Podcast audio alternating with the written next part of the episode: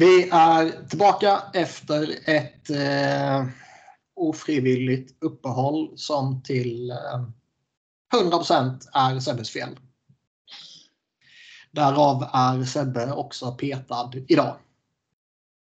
Och eh, det är jag, Niklas, som kör med Robin och sen har vi raggat upp eh, Max Strömberg Melin som, som gäst och vi säger välkommen till Max.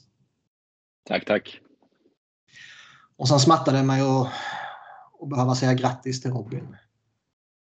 Ja tack, det var väl eh, på tiden. Och eh, jag, eh, har, jag har gått ut med det på internet att jag kommer att eh, fira här i podden genom att öppna en champagneflaska nu. Och eh, ja, konsumera helt enkelt så länge som vi kör. Oh jävlar! eh, så att eh, då får vi se om det blir liksom två, tre. Jag har en. Jag har mer flaskor om det behövs. Så det, eh, Är det en stor du öppnar nu eller är det en sån pytteliten?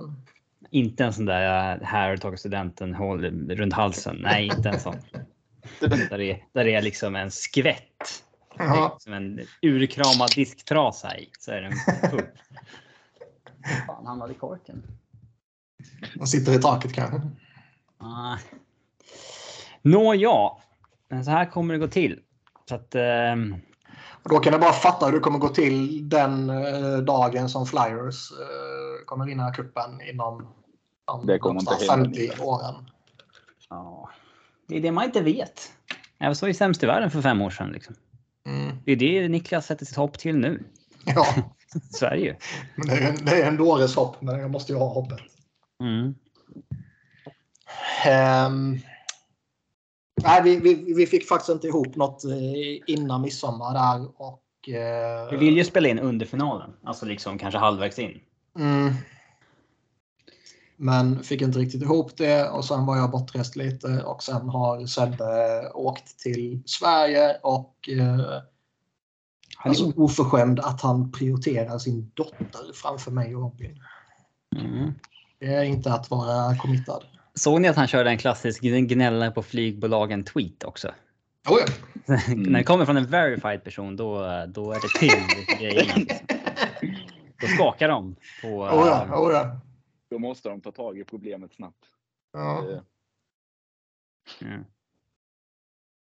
Men eh, i och med att det är två veckor sedan vi spelade in så är det ju en hel del lite äldre grejer som vi kommer eh, plocka upp och eh, somliga kommer vi väl blåsa förbi lite kvickt. Andra eh, kommer vi väl stanna kvar lite längre vid beroende på eh, min Flyers monolog.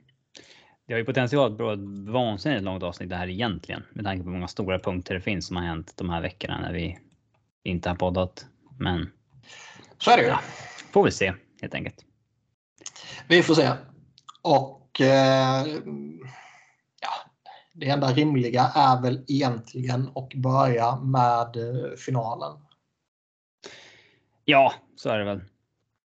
Ta första timmen här och sen... eh, Sen andra timmen vi. Tortorella. ja, tredje timmen, Tim Timothy Liljegrens nya kontrakt med, eh, med Leafs. Men ja, Max, du såg väl alla matcher också va? eh, ja, hela slutspelet har jag sett alla Colorados matcher. Så alla i finalen med. jag, missade, jag missade en del när jag var bortrest och sådär. Eh, och jag kom, jag kom på mig själv med att vara djupare ner i min Flyers-depression än vad jag trodde jag var. Vilket också gick ut över liksom, slutspelsintresset generellt.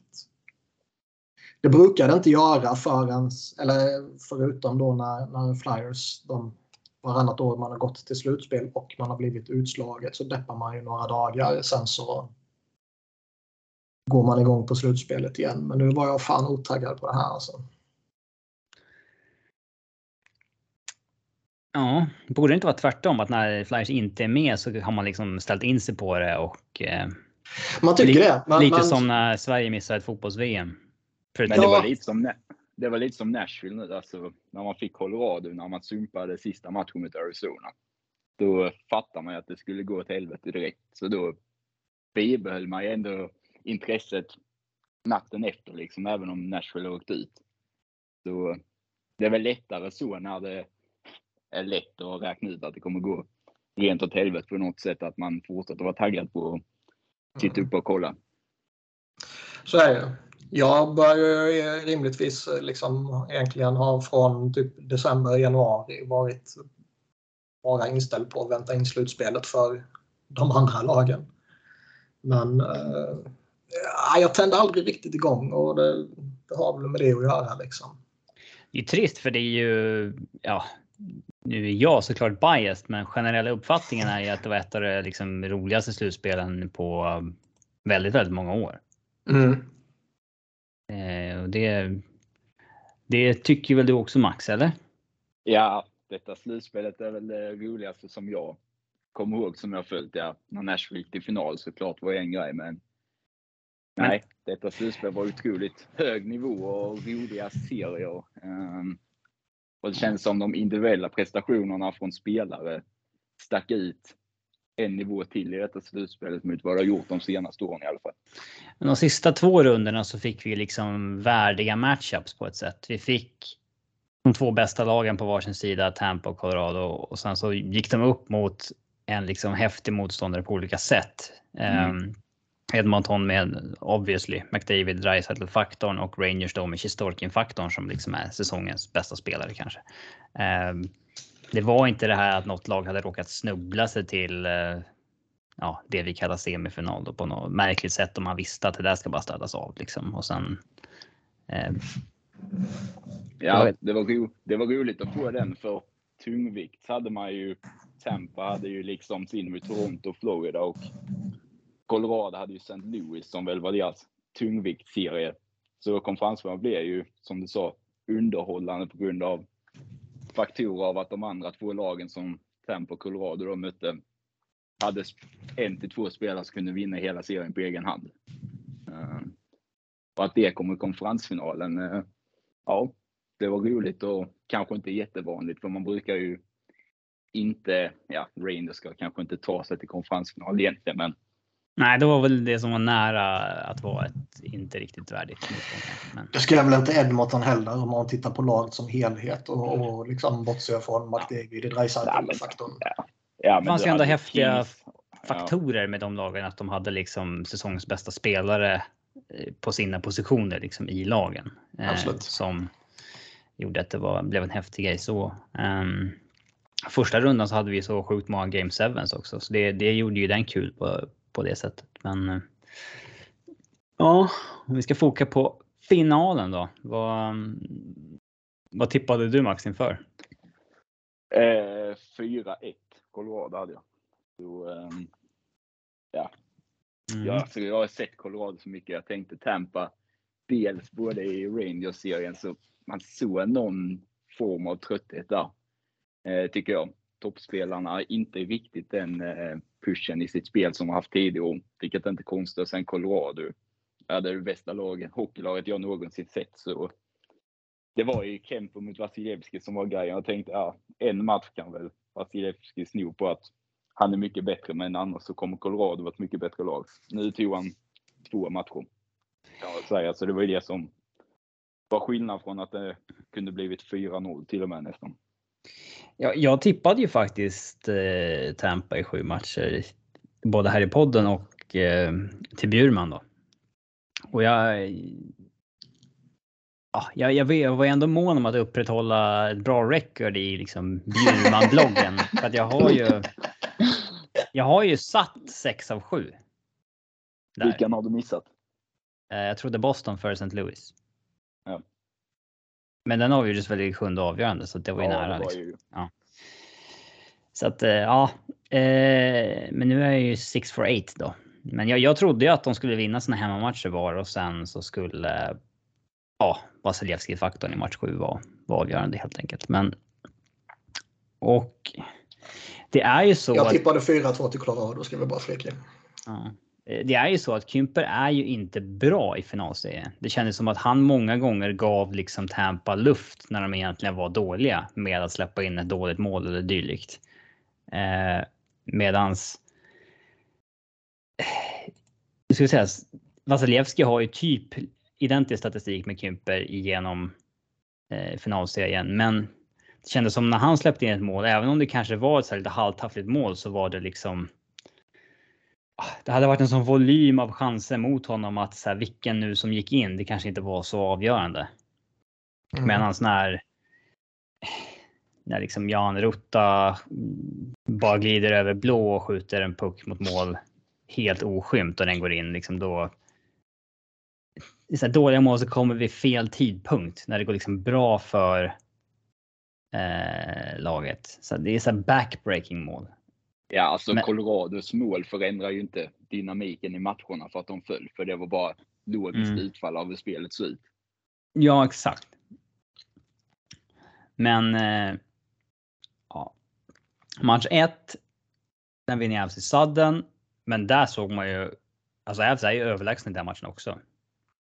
Eller också för första matchen helt enkelt. Eh, sen match 2. Där är man ju. Alltså brutalt överlägsna på ett sätt som man liksom aldrig sett i en final egentligen. Alltså in, inte mellan vad som väl vi alla håller som, som ligans två bästa lag. Det är en ja. sak om det skulle ha varit Colorado och sen så får man fram ett, ett Montreal som likt tidigare år till exempel. 5 mot 5 målchanser den matchen var 14-0 till Avs. Mm. Alltså det var 0,68 i expected goals och sånt. Ja, de hade... De var lägsta någonsin i, om det var en slutspelsmatch. Sen det började mätas och sånt.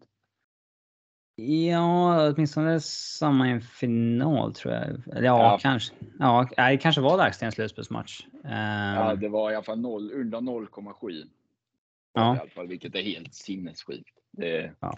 Och då trodde man väl kanske att även så här, man har ju respekt för Tampa, så man trodde väl inte att serien var körd ändå. För jag, jag försökte ju, jag vill ju inte så här skena iväg. Jag tänkte ändå att ja, jag har ju tippat att jag skulle vinna de två första. Det skulle man, jag ha gjort. Ja, man kanske omvärderade lite med tanke på hur dominanta de var båda matcherna. Men man var ju fortfarande orolig för målvaktsgrejen. Och match ja, det var ju tre, skillnad. Match tre som Tampa vinner 6-2. Där har ju Avs äh, återigen bättre 5 mot 5 siffror än Tampa. Men ja, den matchen så stänger Vasilevski dörren och äh, äh, Kympe gör det inte. Liksom. Det... Ja, för det var ju skillnad på de två första matcherna mot Rangers. Där Tampa med förlorade. Då var det ju 50-50 typ. Att de kunde vunnit dem, men dessa två med Colorado var ju ja, 0% chans att de skulle vinna även om match 1 gick till overtime. Så. Mm. Ja. Men sen när Kadri kommer tillbaka och avgör match 4, då, då kände man väl ändå att det var hemma. Liksom. Mm. Men eh, och de ska väl vinna match 5 på hemmaplan också. De är ju snäppet bättre i den matchen, men eh, där är ju Kymper dålig. Liksom. Han släpper ju två han inte ska av tre mål. Och, Jag tycker eh, nästan tredje målet är värre. Alltså det, det andra målet kan ju hända, eller Ruttas mål. Bara på ja, misstag händer, men det tredje är ju att det är så dåligt målvaktsspel eh, i teknikmässigt som du var inne på och skrev om de tog upp i studion. Att ja. sätta klubban under benskyddet, det är ju sånt rookie-misstag. Att du släpper ett skott från vinkeln, ja fair, det kan alla målvakter göra, men ett sånt grundläggande tekniskt misstag är ju, ja det ser man ju nästan aldrig på NHL-nivå att en målvakt gör. Nej, det finns väl en god poäng i det och eh, Erik Granqvist gillar ju inte att vara egentligen så här kritisk. Han brukar försöka ta fram det positiva och liksom så här och försöka ja, se allting i en sån synvinkel. Men han, han liksom så här, liksom, så här tog han upp i match 6 sen när Kimper släpper en till mellan benen och det är så här, men ursäkta, men vad är det här liksom? Det här är ju detaljer som eh, vi pratar om med 7, 8, 9-åringar. Liksom. Eh, han, när han går ner på knä så sätter han sig liksom på klubban med benskydden. Så att klubban ja, det... liksom lyfter upp benskydden så att det går att skjuta under dem. Det var ju Kutjerovs skott eh, tidigare i match 6 också väl? Från vinkeln ja. som han fastnade mitt i magen på något sätt, även fast han där också sätter sig på klubban. Ja, så att det går det... att skjuta under honom. För det, det ja. hade ju skett liksom då tre, fyra gånger på ja, två matcher. Och det var ju Fast han var ju också halvblind verkar det ju som i efterhand. Ja, alltså de... Eh, kanske inte halvblind, men, men, men något, något, något problem hade... målvaktsspelet. Alltså det sitter ju i ryggmärgen. Att kunna gå ner i en butterfly utan att sätta sig på sin målvaktsklubba. Ja, det kan man nog göra blindfolded om man Nu har jag inte stått i mål på tio år, men jag skulle fortfarande kunna göra det utan problem. Alltså, nu hade inte jag någon klubba när jag var en, en riktigt bra innebandymålvakt, men jag håller med dig. Men satt ni inte alltid på knä? Eh, nej, ibland står man upp för att vila. Niklas står ofta på knä, men inte när han spelar målvakt. men... Nej, eh, men alltså, jag, alltså ja, givetvis är det så att, att det ska sitta i ryggmärgen på något sätt. Liksom. Men jag kan ändå tänka mig att när eh, en sån där sak skulle eventuellt kunna påverka liksom, koncentrationssvårigheter i, eller när man försöker leta efter pucken eller något sånt där. Något mm. jävelskap kan det säkert ställa till med kan jag tänka mig. För det kommer ju fram i efterhand att han, han behövde liksom eh, rekalibrera ögat ett par gånger om dagen. Alltså. Jag har inte läst någon sån injury report efter egentligen om Avs. Jo, det eh. läste jag idag. Uh... Från Peter Bug eller Athletics-reporten? Uh, ingen aning i, flödet bara. Det kan ha varit... Uh... Som vanligt källkritisk som fan när du kommer med... Kommer från flödet. Man ska inte vara källkritisk när man ska vara underhållande i en podd. Nej, men eh, alltså han får ju den här klubban i ögat på Nashville. Står över i två matcher tror jag. Sen är han tillbaks mot uh, står mot St. Louis och är dålig. Och sen plockar han ut sig själv i typ match fyra och säger alltså jag är inte bra. Jag, jag ser inte ordentligt liksom. Och sen kommer han ju tillbaks. Eller då står ju François hela Edmonton-serien. Sen kommer han ju tillbaks i finalen och de säger att han är 100% okej. Okay. Känns ju konstigt om han inte var det, att inte bara fortsätta med François då som hade svept Oilers. Mm. Liksom. Ja, det är konstigt. Bednar, Bednar says Darcy Camper had to go to optometrist two to three times a day to retrain his eye. Som att ögat har fått en stroke eller någonting. det är det. Ja. Men det låter ju helt sjukt i alla fall. Ja, men jag tycker det är märkligt att stå, ja, att han inte står färdigt Nashville-serien. Vad var det, match tre. Mm. Uh, Johansson får in den. Där var, det med, var det med flit? Klassiker. Nej, det, alltså, det ser ju konstigt ut att när han har fått in klubbspets att han trycker till, men det är väl bara naturligt. Nej, det är ju, det är ju dels för att Kimper ja. faller bakåt och klubban sitter ja, fast i masken. Så det är ju, han drar ju dit klubban. Han kanske drar loss den och då blir det fel. Och, ja. Så det är ju inte avsiktligt. Men att han sen stod serien efter och inte serien efter det. Det är ju väldigt eh, hattande. Eh, det är det jag tycker är märkligt. När du kan stå sen eh, sex matcher mot Blues, eller hur många stod där, sen är du borta hela konferensfinalen. Mm. Och sen tillbaka igen. Ja. Avs vinner ju alltså med den lägsta räddningsprocenten de har haft på en startmålvakt sedan Grant Fuhr 1988 med Edmonton. Eh, målvakten är inte avgörande. Det har vi sagt många gånger. Sen har vi levat lite motsägelsefullt de senaste åren med tanke på Vasilevski. Alltså, du kan ju ha en sopa mm. i mål, men du kan mm. fortfarande få bra siffror av en sopa under en kort period. Men nu fick ja. de ju dåliga siffror. Och var ändå inte, de låg aldrig under en serie, de var aldrig faced elimination. Så de var ju så otroligt dominanta att de liksom överkom det eh, sjukt nog. Alltså jag har aldrig sett ett lag vara så dominanta genom ett slutspel att, att de har liksom den sämre målvakten. Men aldrig hamnar i underläge på grund av det. Nej, det är otroligt. Och man gör det dessutom eh, eh, till viss del försvagade. Samuel Gerard var, var borta mycket. Kadri var borta en del och var väl inte i 100% direkt när han kom tillbaka. Burakovsky var borta en del. Ja, det är ju bra spelare, men sen så saknar ju alla alla spelare. Liksom redan i Nashville-serien så är ju Saros borta och sådär. Och mm. Många spelar ju med, med, med, skador och så. Men det är en jäkla skillnad om det är Sam Gerard eller Jack Johnson som fyller ut backbesättningen. Oh ja. Alltså liksom den... den backbesättningen som Avs har när man är frisk, den ska ju typ inte gå att ha under lönetaks. Eh, yeah. Vi har ju sett otroliga men Nashville hade varit fyra. Liksom. Ja, exakt. ja, exakt. Vi har sett otroliga topp fyra. Nashville, Chicago innan dess och eh, ja, San Jose. När, när, Flyers. När du kan väl ta Tampa om du sätter över och säger att någon av eh, dem på andra sidan så har du en topp fyra som är skitbra i Tampa. Men ja, nej, alltså. Kjell Hedman, Särnak. Ja, de måste ju inte spela ihop heller. Alltså, nej, bara ha fyra backar som fyra är. Backar, ja. ja. ja, då är Tampa där uppe med kan man säga vi har ju inte sett något lag som har liksom en Bowen Byron med Eric Johnson som femma, sexa när man går in i slutspel. Det är ju. Det är ju barockt liksom. eh, och sen Bowen Byrons finalserie är ju.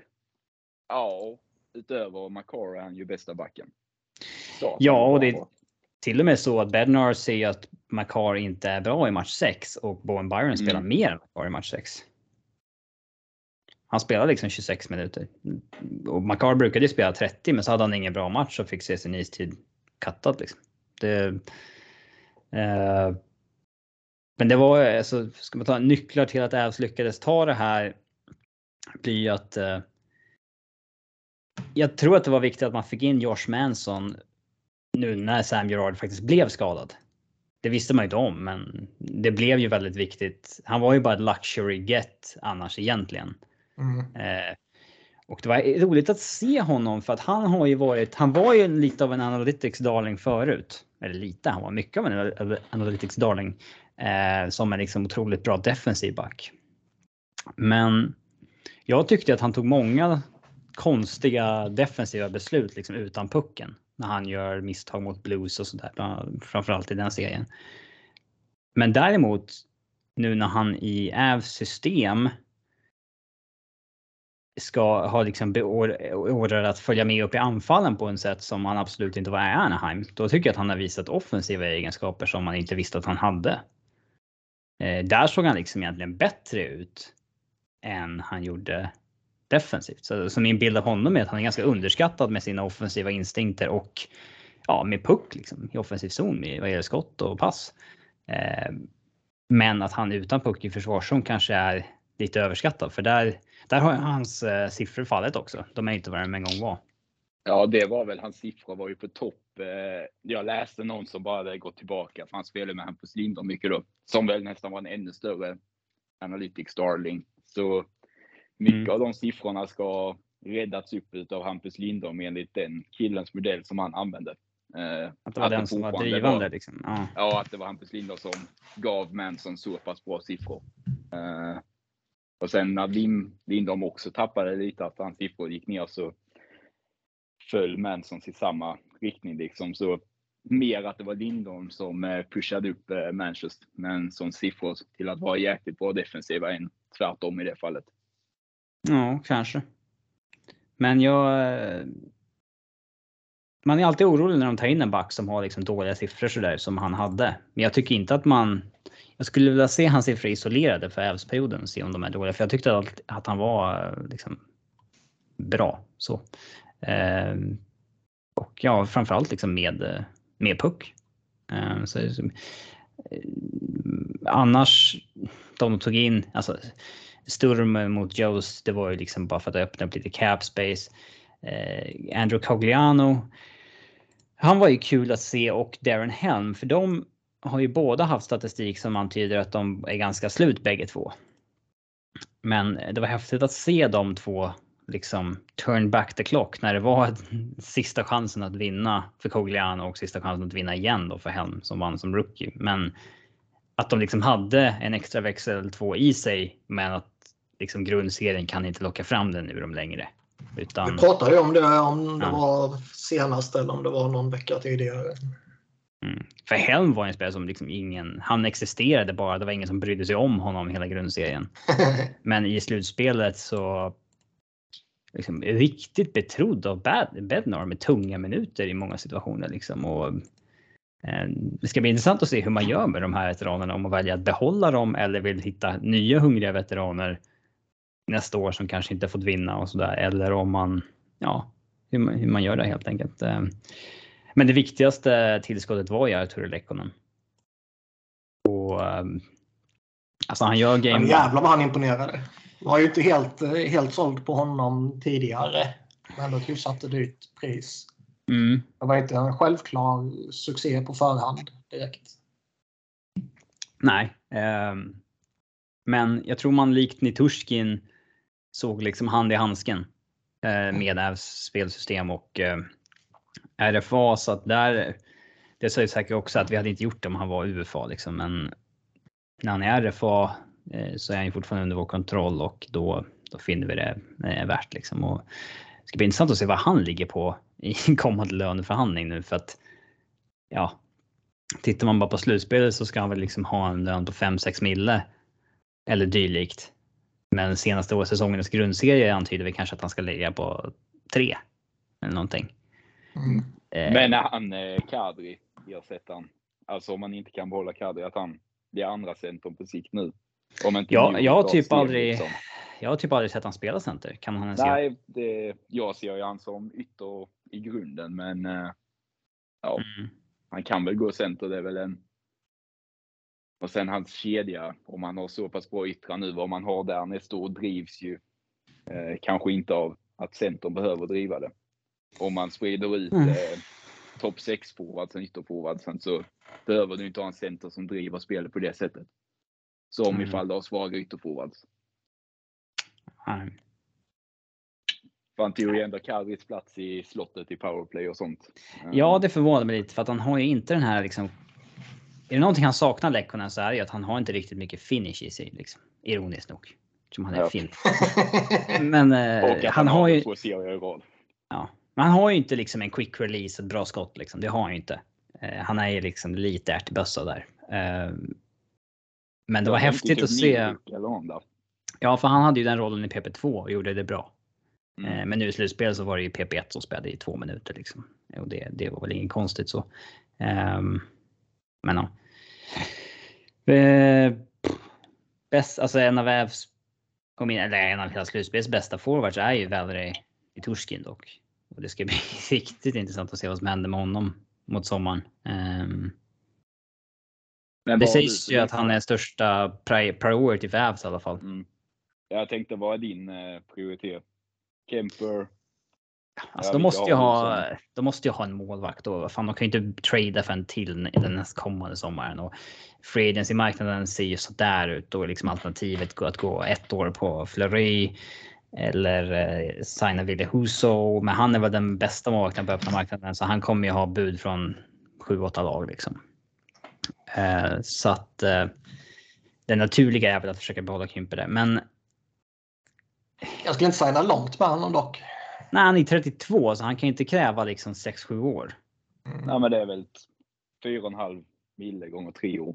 Typ. Ja, kanske något sånt. Men Burakovsky är ju lurig för han var liksom delvis petad i slutspelet till och med. Men ändå kom han från ett career year med 61 poäng. Och en liksom en otrolig poängskörd under tre år med Avs. Men jag tror han är mindre prio. Men med tanke på att han hade lite svagt slutspel så kanske han Nej, han borde ändå, ja, han borde ändå vara attraktiv på marknaden. Han är 27 år och han har liksom. Alltså han ligger typ topp 10 i NHL vad det gäller points per 60 de senaste fem åren. Han, alltså han producerar liksom i 5 mot 5 som en elite first liner. Liksom. Det blir ju inte billigare än hans nuvarande kontrakt. Nej. Och sen så borde han själv, eh, liksom, han har varit en annan, han var liksom tredje fiol i Caps, sen så lite andra fiol i Avs. Han borde ju lockas av att fan, ska jag testa vingarna på riktigt nu och signa liksom jag menar, och lira liksom första line i något lag och verkligen veta att jag har den rollen.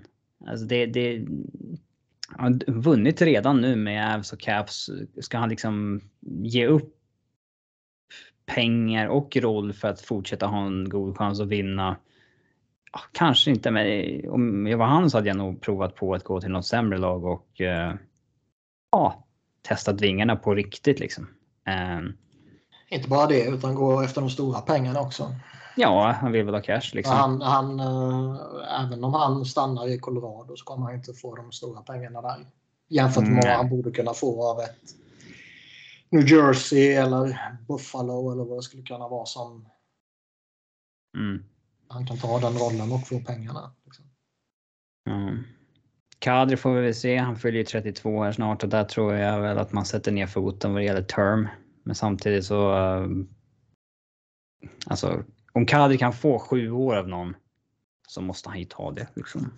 För han har ju ja. varit underbetald hittills i NHL. Alltså han har ju varit på ett billigt kontrakt länge. Visst, han är ju set for life som alla jävla spelare i NHL, men det är klart det lockar ändå med den stora paydayen liksom. Ja, men om man spelar på 4,5 år i alla de här åren så. Mm. Det är kul att kunna köpa en han, tröja. Han, kanske, han kanske inte dubblar det sådär på öppna marknaden. Men...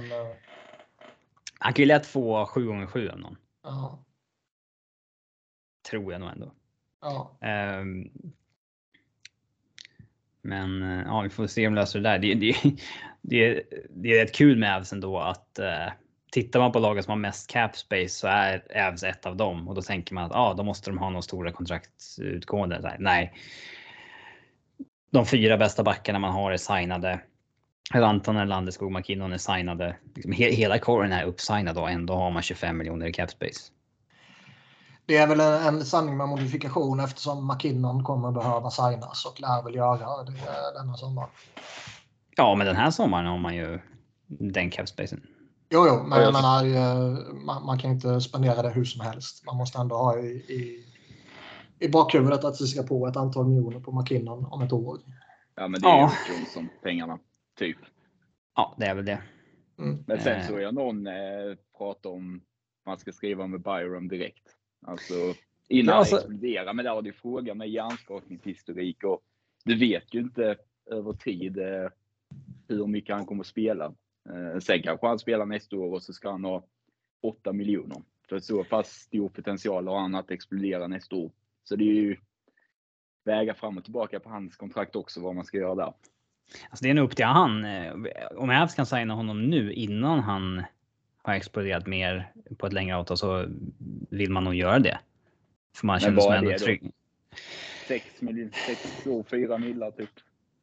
Eller är det för lågt? Ja, ja, det är det nog. Kanske 5 millar som Sam Gerard gjorde. Liksom. Ja. Men eh, då kan man ju, precis som Kill McCarr så har han väl inget intresse av att signa det med ett år kvar utan vill maximera sitt värde innan han signar. Men det finns ju hjärnskakningsfaktor med Bowen Byron. Om man slänger fram 40 miljoner dollar till honom nu. Då tar han kanske det. Ja, alltså. Att veta, alltså. Hova in liksom flera hundra miljoner svenska dollar garanterat nu, även om han inte kan spela mer en dag. Det, kan ju faktiskt locka. Ja. Att få det bekräftat liksom. Eh, sen... Nej, men han borde man nog hugga. Ja, alltså det tänker jag ändå att han, man själv hade gjort det. Ja. Och det är, det är inte så att det är det enda kontrakt han kommer signa. Utan spelar han då ja, sex ja. år så blir han ju UFA innan han liksom är 28 och kan... Ja. Då är det ett åttaårs, sjuårskontrakt till där liksom. Det är ju... Å andra sidan ser man ju eh, väldigt ofta att liksom elitidrottare bettar på sig själva. Mm. Men det Framförallt nordamerikanerna. Som mm. historia med hjärnskaknings Nej, det är, en, det är en annan faktor givetvis. Ja, men det är det som gör att det blir möjligt på ett sätt. Ja. Den faktorn kanske gör att det blir så. Men ja. Är det ett år kvar på Taves? Två år. Eller är det två, två år till? Ja. Han ska också upp på typ 8 mille. När... Ja, det är ju dubblera från 4 miljoner. Ja. Det ska det göras. Och det får man väl se nästa sommar helt enkelt. Då får man börja fundera på det. Hur man ska göra. Um, hur som helst. Eh, vi kanske ska snacka lite om Conn Smythe, eh, killen Cale McCarr också som nu vid 23 års ålder har hovat in Conn Smythe och eh, Norris Trophy. Och, ja, vi kan ju säga det att de vann Norris Trophy trots att Josie fick eh fler första platsröster. Jag för mig jag läste att han var den tredje som vann Norris och Conn Smythe samma år efter Bobby Orr och Niklas Lidström. Ja. Mm. Det är ett hyggligt sällskap. Max, hur känner du med Norris-grejen? Du som har Roman Jones i ditt lag. Alltså nu ska man ju inte väga in eh, slutspelet så och jag såg väl Colorado 25 matcher i grundserien. Eh, men om Makar har hållit samma nivå eller ens i närheten av samma nivå alla matcher i grundserien så eh, är han eh, två, tre nivåer över Josie. Alltså det är klasskillnad. Makar, ja, folk säger att han kan inte försvara, men han är topp 10 Ja. back. Han är ju komplett på ett annat sätt än vad. Roman Josi är. Ja, men han är ju den moderna backen. Han möter som mot McDavid. Ja, han möter Bruce McDavid med samma fart. Så är det Ja. inga problem att ta ner han. Eh, försvarsspel tillhör hur du tar dig ur egen zon. Det är aldrig fattsöka blir han på 1-0 mål till match 6, men löser alla situationer och tar sig ur. Josie, alltså han är väldigt sminkad eh, i hur han ser ut i Nashville. Han har fria tyg där han spelar två minuter inte jättemycket ansvar hemåt. Det är väldigt mycket ansvar på eh, forwards. Eh, forwards Han är ju mer Rush John Rose är ju... som är bak och inte Josie. Så han är ju mer av en, ja jag vet inte, Alltså han är mer av ju... en forward på något sätt. Även om Makar också är det, men Makar tar ett mycket större ansvar över 60 meter. Ja, alltså Roman Josie är ju mer av det som liksom Mike Green var en gång i tiden. Den här liksom extrema poängmaskinen som egentligen inte var så bra i egen zon, men Men jag, jag, jag, jag, tror många har fel uppfattning och tror att det är Roman Josie som är mer av en tvåvägsspelare och att Cale McCall är den här unga offensiva supertalangbacken som eh, liksom är en envägsback. Men det är ju tvärtom. Liksom. Alltså Josie ut, eh, om Nashville försvarar från eh, offensiv blå hemåt. Alltså det, det är katastrof. Och det är nästan som att han skiter i det. det är, han sticker som en forward, lite kan sticka i egen zon och chansa på att du ska få en brytning och dra iväg. Så kan han göra och sticka från egen zon. Så han spelar aldrig klart det defensiva först. Sen är ju hans offensiv på en jäkla nivå. 96 poäng pratar du inte bort, men eh, Nej, men det, det, var, historiska siffror. du kan Ja. ju inte jämföra han med McCarr. Tycker jag inte när jag sett McCarr Det var-. Det Det var, annan intressant, eh, det var intressant när Merrick och Friedman snackade om det här när det blev klart och eh, Friedman sa att han hade röstat på Josie och Merrick sa att han hade röstat på McCarr och förklarade varför. Och Merrick gick in på att tittar man på deras quality of competition så skyddas Josie en hel del och eh, eh, Tittar man på vilka Hedman och liksom eh, Makar möter så möter de tuffaste motståndet hela tiden och eh, och Friedman var så här. Äh, du krånglar till det för mycket. Josie gjorde så mycket poäng att det inte spelar någon roll. Han gjorde 11 poäng mer än Hedman. Alltså det är inte så. Han gjorde inte 30 poäng mer att det var liksom. Hade han sprängt 100 poängsvallen så då hade det bara varit 4 poäng extra, men då hade det varit en grej till. Att han Ja, nu var han uppe i 96, vilket inte hänt sen, vad var det, 92, 93 eller något sånt. Så av en Ja, back. Ja, det är där omkring. Och det, Ja, det tycker jag ändå är liksom på, på en nivå som gör att eh, Ja, men jag tycker ändå han kan förtjäna att vinna. Vad gjorde Makar? 80 poäng drygt och Hedman 85. Det är ju fortfarande, Alltså de är fortfarande Inte within så realm pass- liksom. Det är ja, det är samma. inte så pass stor skillnad så att eh, det ska överväga till Josies fördel hur mycket sämre han är i övriga delar. Det är som du säger, Nashville skyddar Josie extremt mycket.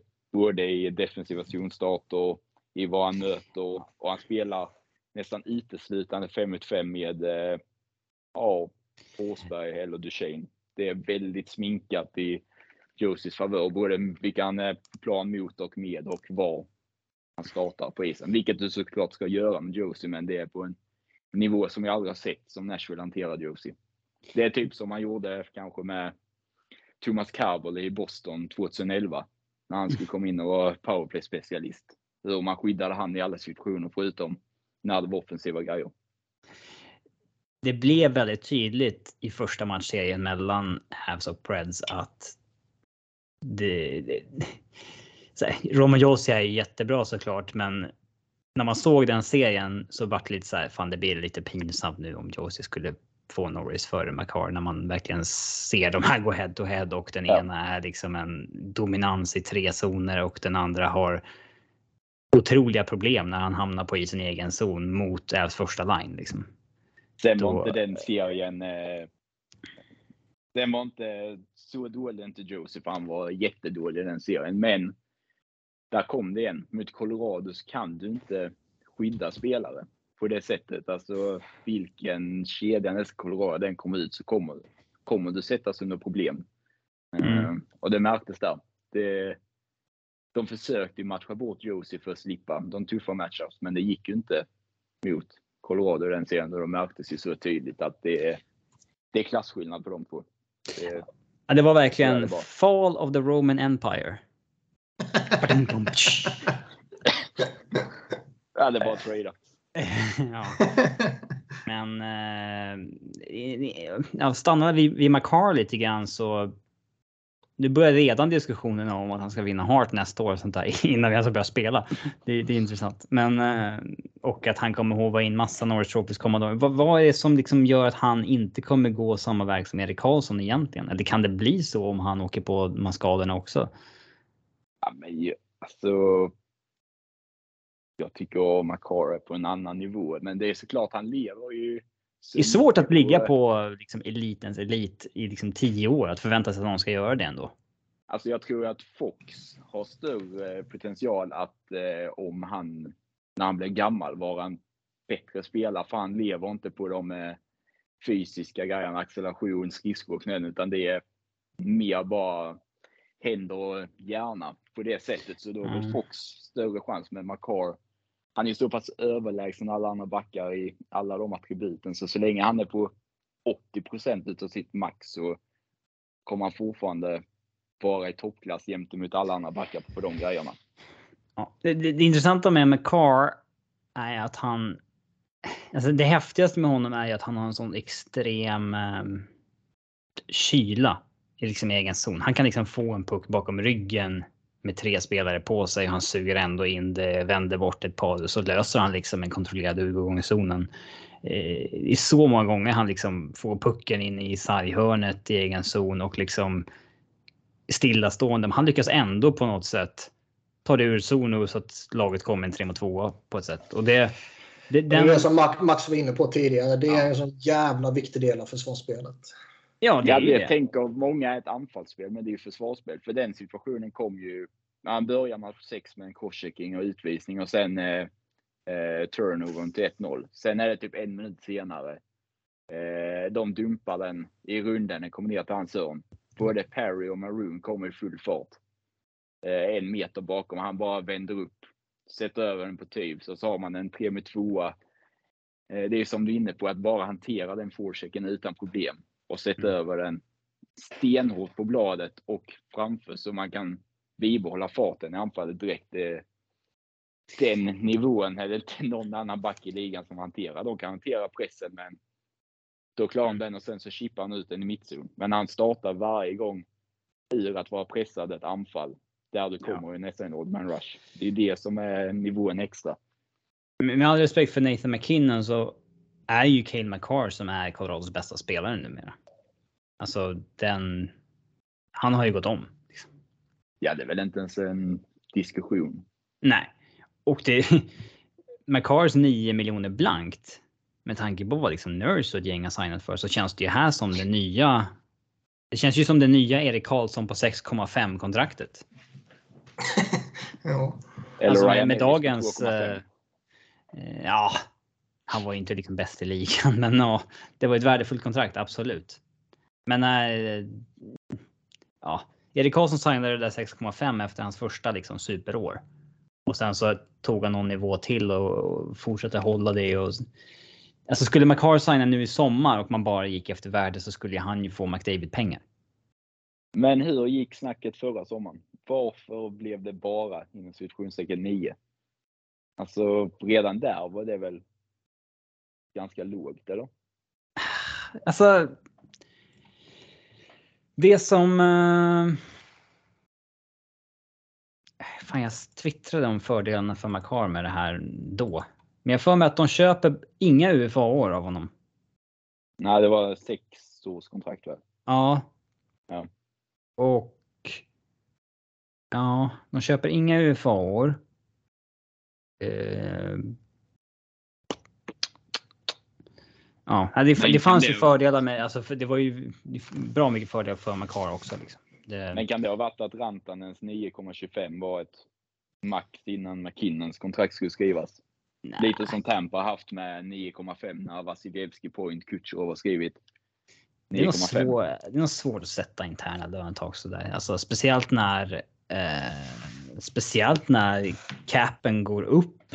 Nu gör den ju inte det, men eh, speciellt när capen går upp och liksom det kommer in nya spelare som blir bättre och den som råkar ha högst lön kanske inte alltid fortsätter vara bäst. Liksom. Det...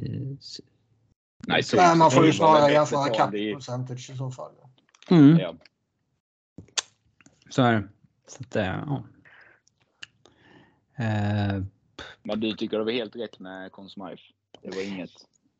Ja, jag vet inte egentligen vem som skulle haft den annars. Det är ju knappast... David. Alltså det hade ju varit kontroversiellt kanske, men det är ju kanske det rätta. För man hade ju inte kunnat ge den till Vasilevski för att han skiter ner sig lite i finalserien liksom. Ja, det är ingen uh, annan Tampa-spelare som är nära och du kan inte ge den till någon annan i Colorado. Nej, alltså. Eh, visst, Rantanen plockar ju upp mycket assist genom slutspelet, men han är ju fan genuint dålig mot Preds och mot Blues. Jag vet att han hade, han var ju sjuk innan slutspelet började och jag hörde att han tappade en del vikt. Och det kan nog liksom vara stämma för att han, eh, han var liksom svag, orklös mot Preds och Blues. Och sen så liksom trummade han igång mot Edmonton. Och var bra, bra i finalen, men eh, i, McKinnon gör ju 13 mål i slutspelet på 20 matcher och det är ju bra. Så där, men han var inte alls samma dominant som han har varit i de, de, de två slutspelen innan. Ja, Landeskog gör mål i finalen var han. Fyra mål, men mm. det är han... fortfarande du, du, när Makar är så pass klart mycket bättre som man ser med ögat och gör 29 poäng på 20 matcher. Du, Ja, nej, det var ju... Men alltså, tittar man bara på finalserien så är det ju ingen spelare som har en produktion som står ut på något sånt där extremt sätt. Vem vann poängligan i finalen? I finalen är det Rantanen med, med 8 poäng. 8 assist rakt av. Ja. Sen Makar 3 plus 4. Och det hade Rantanen. McKinnon 2 plus 4 bara. första två matcherna. Ja. Typ. Och, och liksom jag tycker skulle McKinnon varit uppe på liksom 5-6 mål och haft en... en Han hade behövt en eh, stor match kan, i finalen. Ja, då kanske man kan prata om honom. Men nu tycker jag Makar är jävla tokgiven. Jag, jag sa det inför match 6 att så här, McKinnon har inte riktigt haft en stor match än och det borde liksom komma. I, i final borde man tycka att han gör liksom ett hattrick eller någonting. Och sen så, mm. ja, han gör ju mål och assist när han vinner match 6 med eh, 2-1. Så att det var väl hans stora match så. Men han hade inte den här matchen där han gör fem poäng liksom i en final och eh, ja, verkligen sticker ut. Han hade ju lite problem med, alltså matchade ju Cirelli mot honom liksom och ja, äh, det var liksom, det, det fanns liksom inte utrymme för någon att dominera egentligen eh, individuellt för att bägge lagen var så bra när de gick upp mot varandra. Men Carr hade ju problem i match 6 och sen så hade han ju problem i match eh, ja, vilken mer match var det? Det var inte någon av hemmamatcherna, men det var någon av borta matcherna. Kanske match tre, men. Eh, ja. Fortfarande han som sticker ut mest.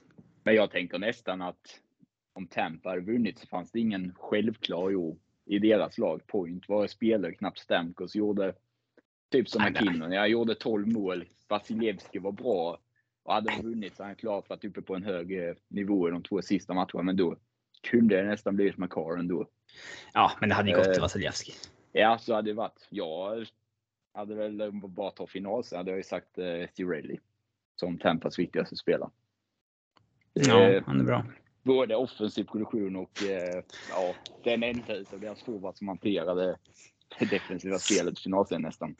Såg ni klippet på um, slutminuten på match 6. När, när Kucherov slänger handskarna på materialen. Och... ja, exakt. alltså, Hans klubba går av. Bara, jag fattar ja. inte vad som hände. När bara, han stod i båset i 20 sekunder typ. Ja, hans klubba går av, han åker till båset så är ingen klubba redo. Han liksom tröttnar, tar av sig handsken och kastar den på materialen. Liksom. Men han tröttnar för att det hoppar in. Jag tror typ Ross Colton hoppar in. För att han inte orkar vänta. Liksom. Ja exakt. Ja. Fan, vi måste ju ha sex spelare för det är tio sekunder kvar. Så då ja. åker Colton in för att han inte fått någon klubba, vilket det är väl klart som fan han ska göra in en spelare till. Och då ja. lackar Kutjerov ur och kastar handsken. Liksom. Mm. Bara fan. Ja. Kul att eh, vi kanske ska gå över till Tampa eller? Ska, ska vi Ja, har du något mer du vill säga om Colorado så får du säga Ska, ska vi ta? Vi har väl tagit lite vad som kanske händer i sommar, men vi får väl se helt enkelt vilka de väljer. Jag hade inte valt att qualify OBQ Bell för att han har ju ett uh, qualifying offer på 1,2. Liksom det, det, är för högt för honom. Uh, jag kan tänka mig att de inte de ger honom inget qualifying, men erbjuder honom att stanna på 900 000 eller någonting om han vill. Uh, han, han var ju lite petad i slutet på grundserien. Spelade, Bednar spelade ju sina toppspelare sjukt mycket. Fjärde linjen får ju typ sex minuter i vissa matcher. Eh, och. Eh, men i slutspelet så tog han ju tillbaka sin plats och. Ja, han hade nog inte valt att qualify. Vi får se vad som händer med veteran, veteranerna och så där också. Josh Manson är nog ingen prioritet i och med att man har McCar, Gerard Taves och Byron signade. Och Eric Johnson för den delen. Så att eh, det, ja, det är väl en luxury man can't afford anymore. Liksom. Annars hade jag... Det är snarare så att det kan finnas en viss risk med att signa upp honom på ett kontrakt vid den här åldern. Och ja. vi har sett trenden vi har sett som vi pratade om tidigare. Ja, jag hade varit okej okay med att signa honom om han inte får någon trade protection. Så att man kan nästa sommar skeppa honom när Byron ska upp på pengar. Mm. Eh, för jag tror fortfarande, i princip oavsett nästa säsong som sker, skulle han nog ändå ha ett värde att man kan skeppa honom. Liksom. Det, det tror jag. Mm. Eh, men ja, kanske ska... Det är häftigt med Jared Bednar som blir den första coachen att ha vunnit ECHL, AHL och nu NHL. Att verkligen ha jobbat sig upp från, eh, från grunden. Ja, det ska bli kul att se. Hur ja, det är ingen jävla glida in på bananskal som många andra gör. Nej, verkligen inte. Det, Sen måste man väl hylla Sakic. Alltså, det går väl inte att nämna Colorado utan att hylla ja. eh, tålamodet och processen. Eh, och ja, det smarta man hittar, eh, hitta liksom eh, projekt som att misslyckas på andra ställen och sånt och förädla dem och ge det tid. Eh, såklart har haft många höga draftval och sånt, men du ska ändå lyckas och du ska få in rätt komplementspelare och allting. Ja, men sen ska man komma ihåg att fan, Landeskog, Rantanen, McKinnon var ju där när de hade sin 48 poängsäsong.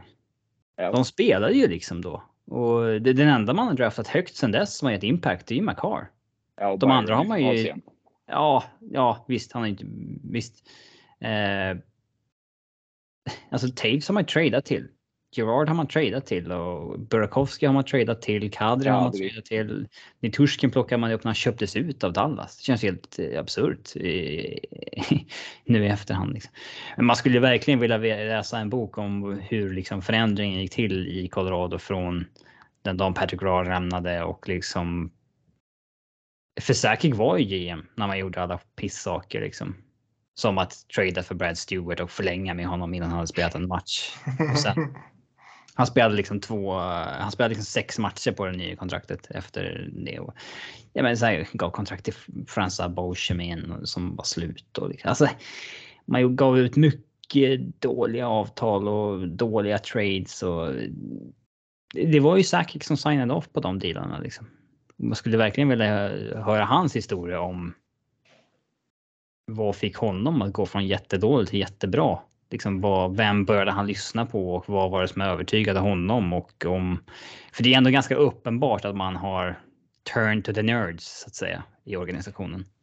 Det är ju intressant det du säger på vem man börjar lyssna på så här och liksom vi tidigare har pratat lite om att det är Chris McFarland som är hjärnan och Sakic som är frontfiguren.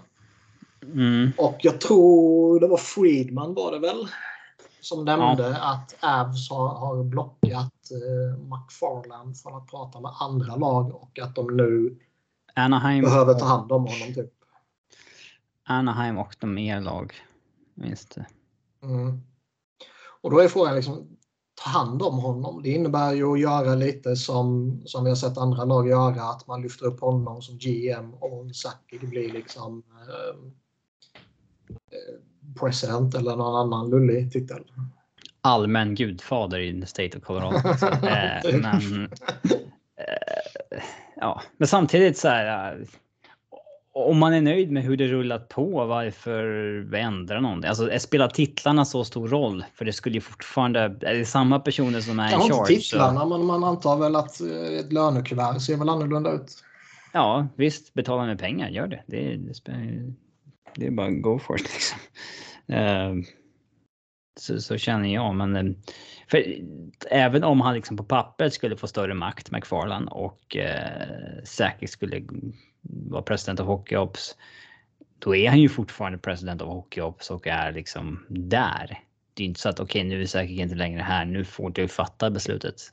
Ja. Liksom, det skulle ju fortfarande bli samma maktbalans. Så är det ju. Men det, det är lite, det, det, är nog det han är inne på, Friedman. Att eh, ska, mm. har man blockat honom så, så liksom, då bör man ta hand om honom. Och då är det ju det, är det man kan göra.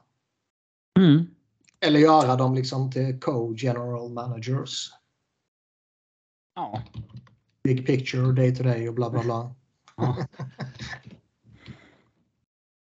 Men eh, känner du dig nöjd med Colorado efter 55 minuter? Uh, ja, det tycker jag väl. Uh... Ja, det är fem minuter kvar. Du sa en timme. Ja, men det är Tampa kvar. ja, Sista minuten. vi kan, det är möjligt att vi glider tillbaka till Colorado under programmets gång. Men om bara blicka på Tampa lite så. De har ju Palat, de har eh, Nick Paul som ändå var, var liksom duglig och de har Ruttad som är UFAs Mm. Och eh, som vanligt när det är Tampa så har de ju ett tight mot lönetaket. Vem prioriterar de högst av Paul och Palat? De gillar väl Paul ja. eller Palat mer, men det är mycket mindre realistiskt att behålla honom. Mm, och han är, är, ju 31, alltså han är ju smyggammal. Han pratade ju, Bruce att han, han vill behålla alla om det går att lösa. Men hur fan ska man lösa det? Ja, nu har de ingen kvar att dumpa som är Tyler Johnson som de gjorde förra året. Det finns ju ingen så som har blivit sämre som de vill dumpa. Uh, det är väl Kilorn som inte gjort enda mål i slutspelet. Ja. det är väl han, men han har ändå en klausul som... Ja, ja fast... I så fall. Ja. Ja, fast nu är det liksom ett år kvar på det här. Om de säger att nu tänker vi fan skicka dig. Det är inte så att han är fast i Buffalo liksom i tio år då. Liksom. Utan det är ju bara ett år och han har ju bara. Han kan ju bara blocka 16 lag. 32. Killen är ett år på 4,5 miljon och gör liksom 60 poäng per säsong. Han. Det är nog många som vill trada för honom. Ja. Sen kan man ju liksom lite old school surna och kanske på honom internt för att han gör noll mål i slutspelet. Sjukt nog. Noll mål. Liksom. Men han var äh, inte bra heller. Nej, nej. Var han eh, en, alltså Tampa annonsade ju sina skador också. Hade ju shitload med skador. Alla var ju skadade. Och ja, typ, han hade amputerat armen men de sa inget. Ja, typ. Liksom. ja. ja. men det var ju typ så på vissa spelare. Nästan. Nej, jag, jag tror inte det var något på kilon. Om Nej, det var det jag minns rätt. Ja, de annonserade ju att sju hade allvarliga ja. skador. Ja, och han har ju såklart någonting. Men det var inget som ja. bara nämnde i den intervjun i alla fall. Och där gav han ju hela sjukhusjournalen på alla dem. Ja, ingen GDPR där inte. Nej, det var ingen uh, upper or lower body bara. Det var tydligt mm. vad som var fel. Men är man palat som ju också har spelat eh, relativt billigt. Lite, lite liknande Kadri-vibbar som vi pratade om tidigare. Mm. Så om man har vunnit allt han har vunnit liksom så... Eh, han har inte gjort 20 mål sedan 2014 ska sägas. Nej, så är det ju. Bilden av honom är ju ändå att han gör det. Mm. Mm. Men han har ju mycket slutspelsproduktion. Ja, sen har han varit skadad mycket. Han har inte gjort över liksom 75-70 ma alltså matcher på länge. Eh, nu har ju senaste säsongerna varit disrupted av andra anledningar, men han har inte gjort 80 matcher heller. Han har inte gjort eh, 20 så att. Eh, Men jag tror fortfarande han kan få ett bra kontrakt på Free Agency. 5 gånger 5 eller 6 gånger 6 liknande. Liksom. Jag tror han kommer eh, kunna få bättre än så. Alltså? Ja, Fyra alltså. sju.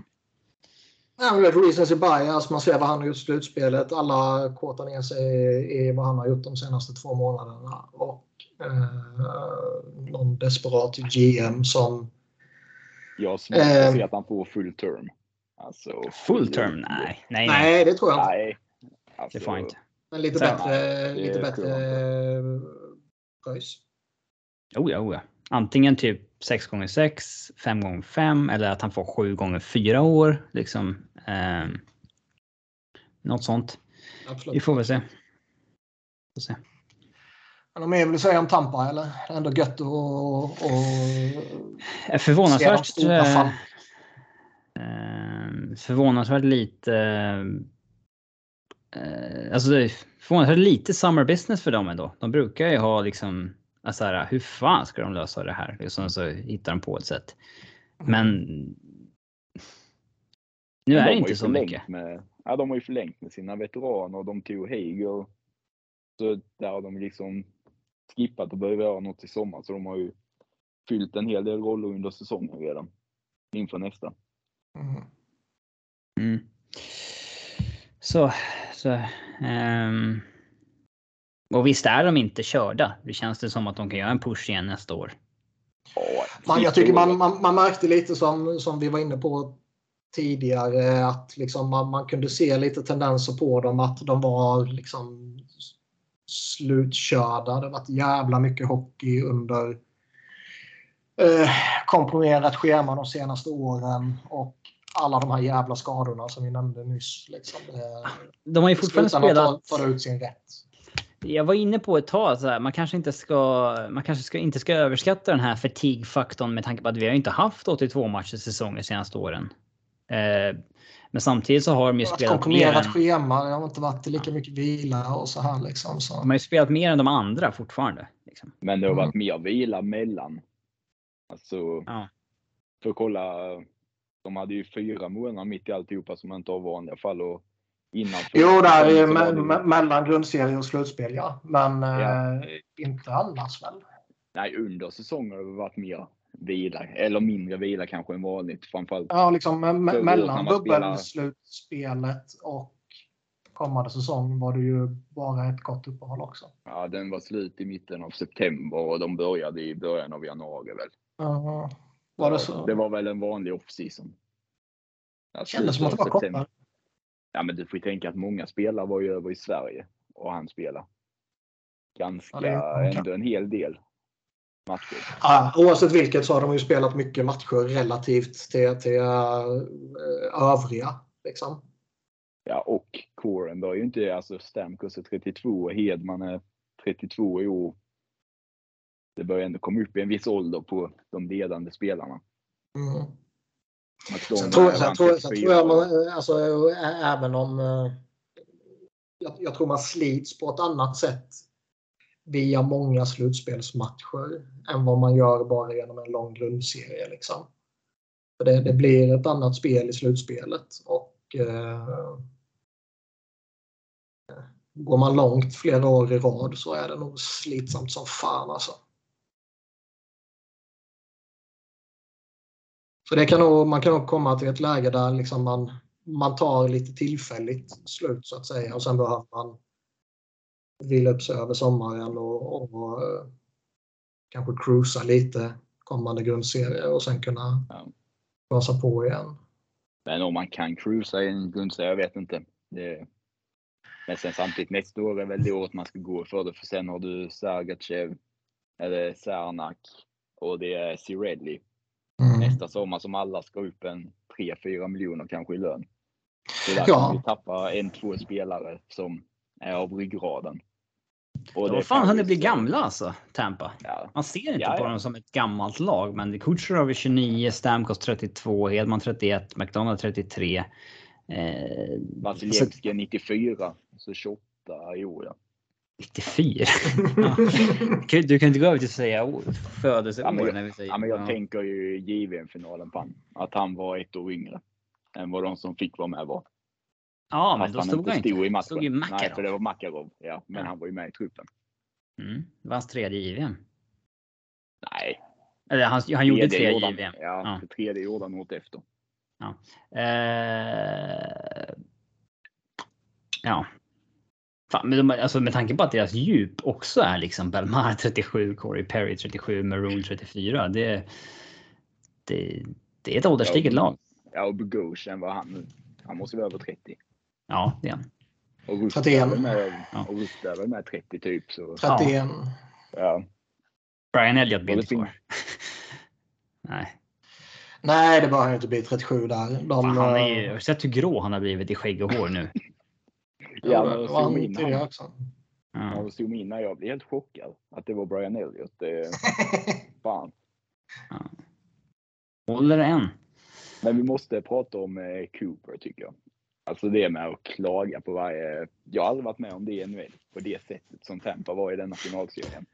Det var kul när en av mina Colorado-vänner på Twitter skrev eh, Can the Avs score a goal without Karen asking to speak to the manager? Liksom.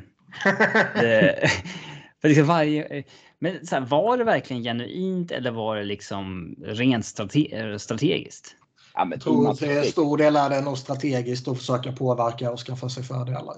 I match För det- 6 så förstår jag ilskan till viss del. Okej, Nick Paul har pucken. Eh, och det blir inte avblåst. Och sen så är det ju...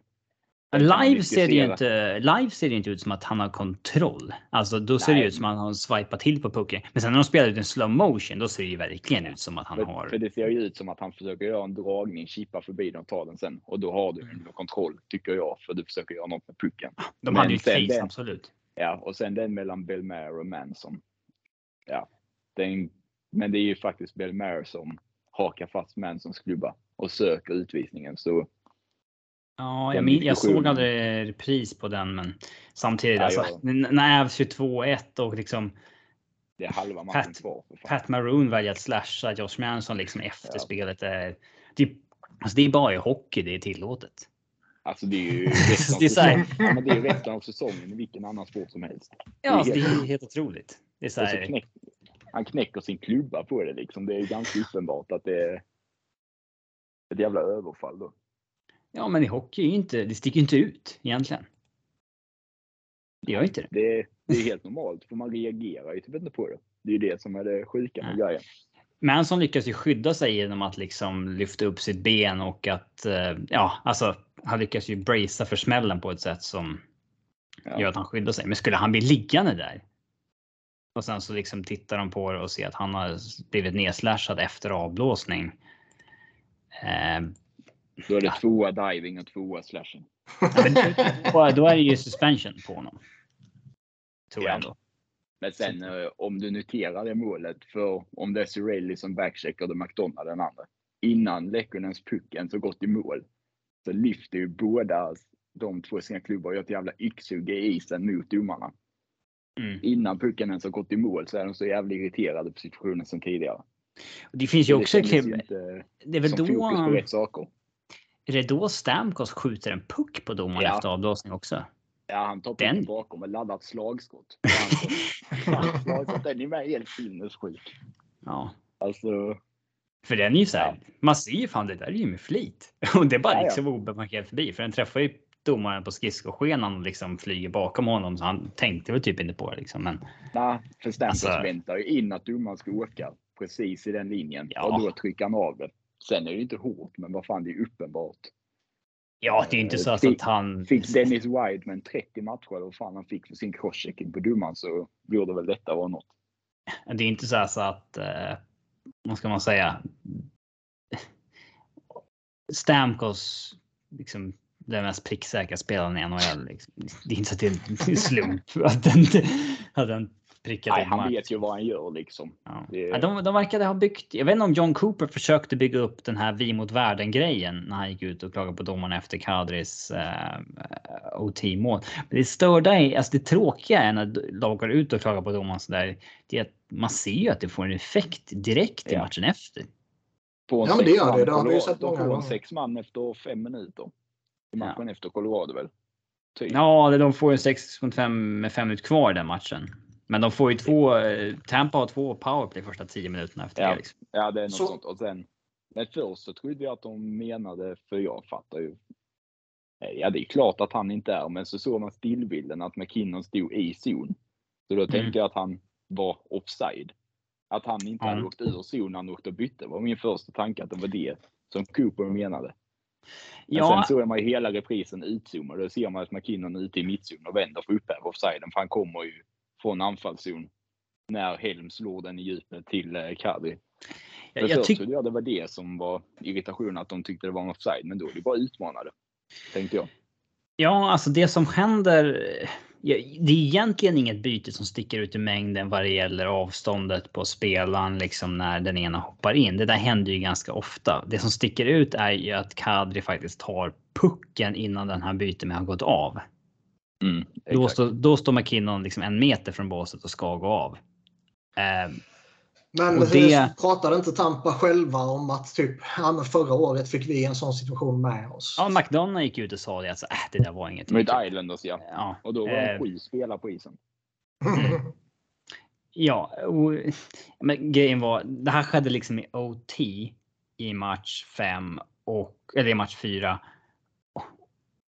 Och det var ju en sån här klassisk slutspelsdomarinsats där det ska vara liksom två utvisningar var i tredje perioden, men de tar ingen av dem för att de vill inte avgöra. Varav två är rena tripplingar på spelare som liksom håller på att få en målchans. Och Helt sen är det, där, är det där McDonough sätter sin boarding med.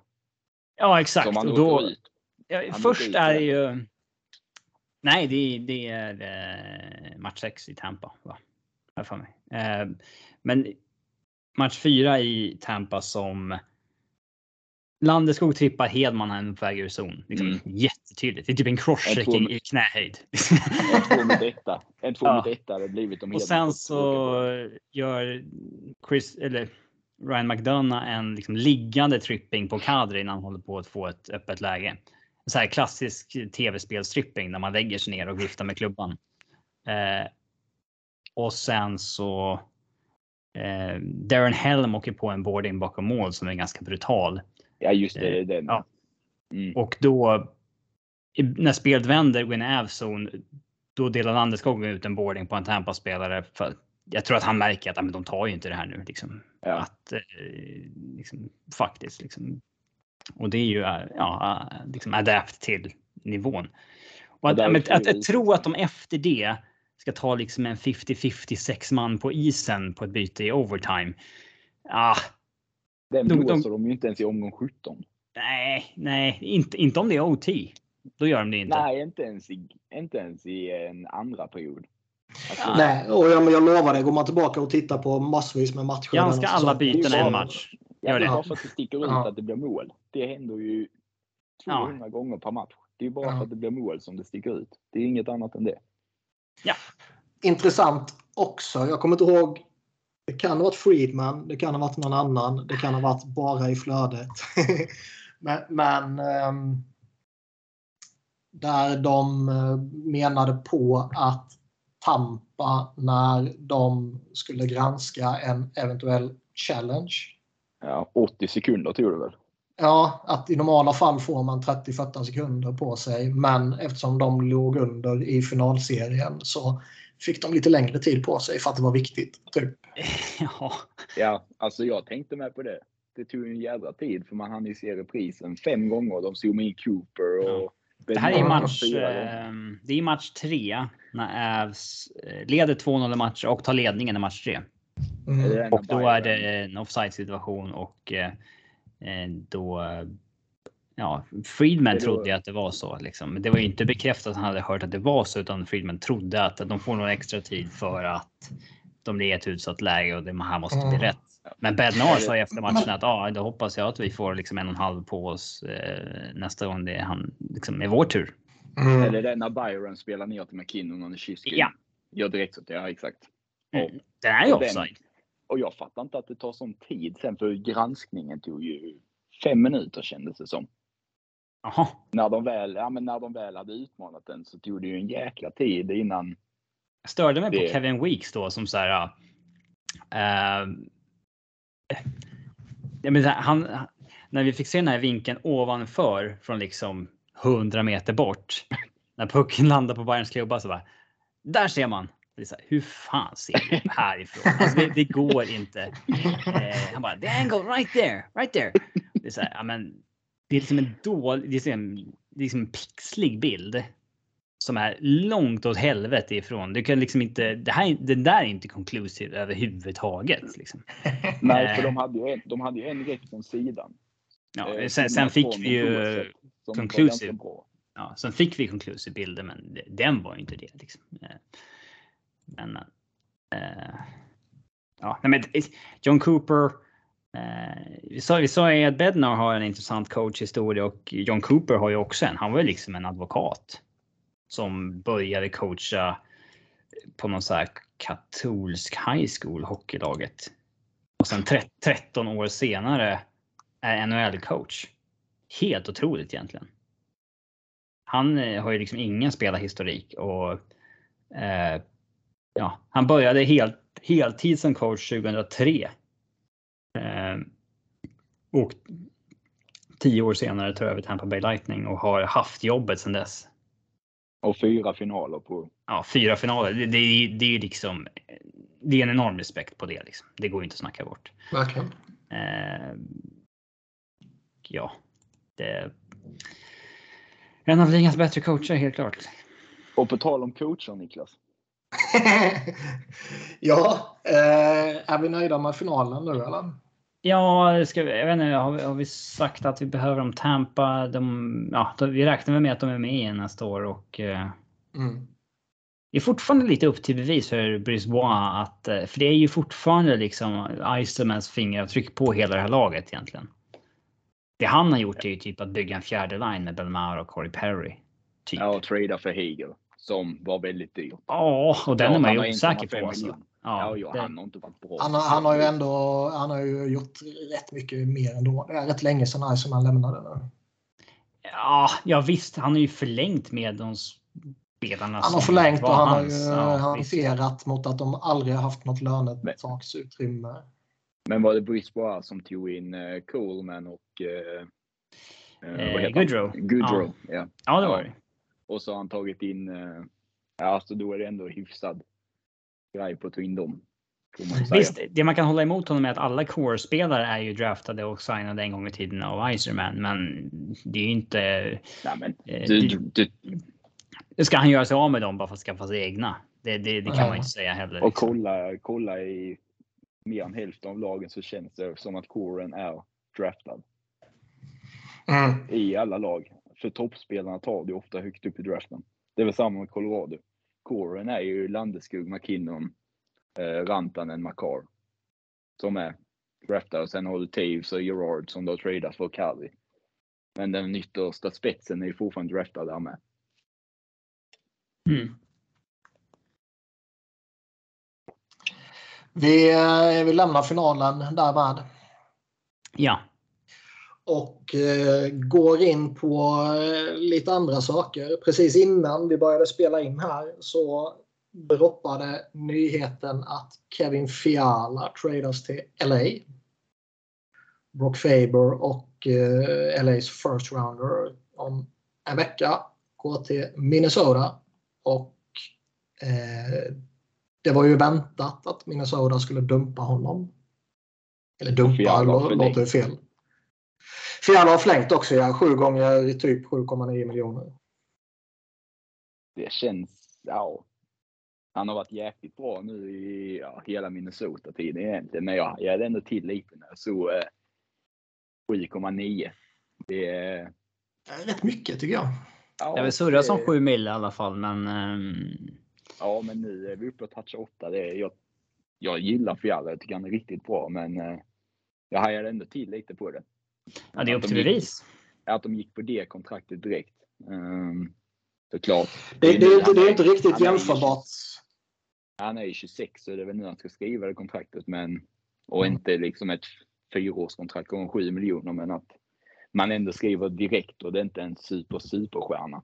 Det är ju inte den yttersta nivån som man tradar och signar direkt i ett sånt kontrakt. Det är ändå Nej. under, precis jag- under den nivån.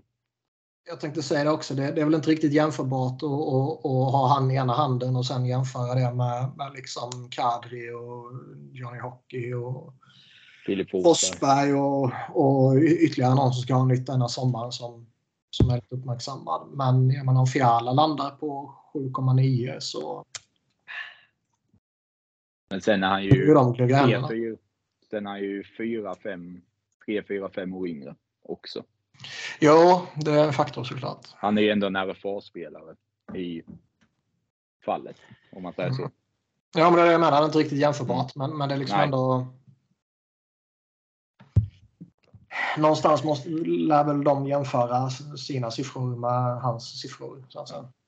Men sen traden i sig utan att ha full koll på eh, Faber så känns det väl som en, ett rimligt utbyte. Ja, Second rounder 2020.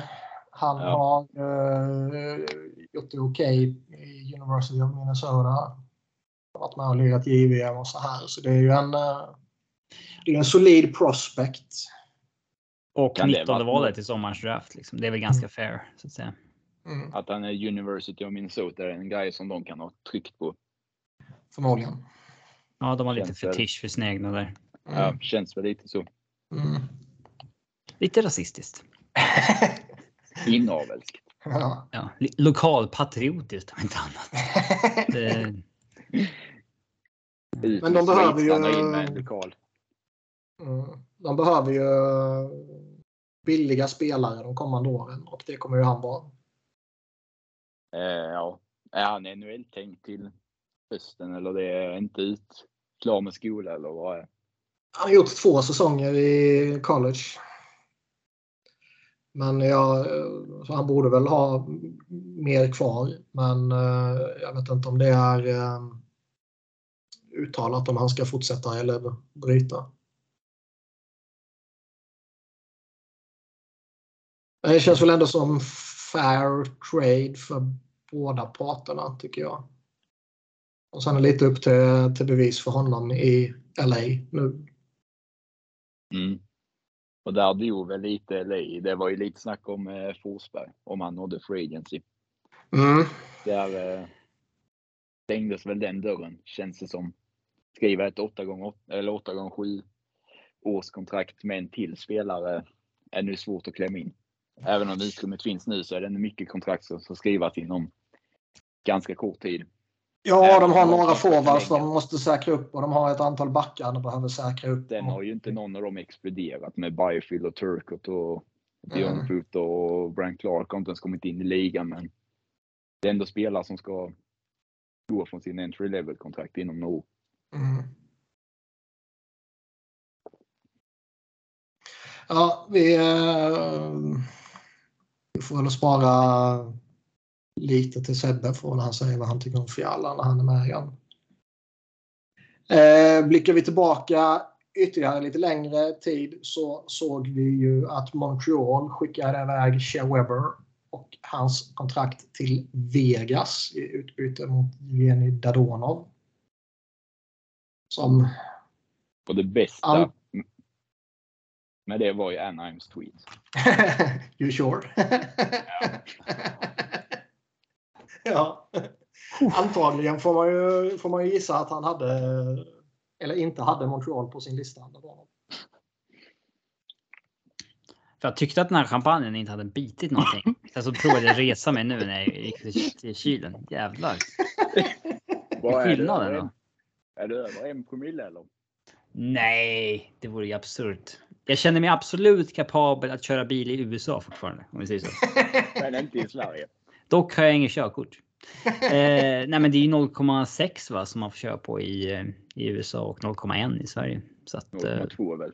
0,19. Men du åker väl på 0,2? Nej, 0,19 får du köra på. Ja, ja 0,2 åker du på. 0,19 får du köra på. Okej, okay, jag ska inte mansplaina det för jag har inte körkort. Men... och jag har aldrig kört på de nivåerna så. Eh... Inte så låga nivåer. Nej, exakt. Allt över en promille. Annars blir jag så nervös. kan inte hantera det annars.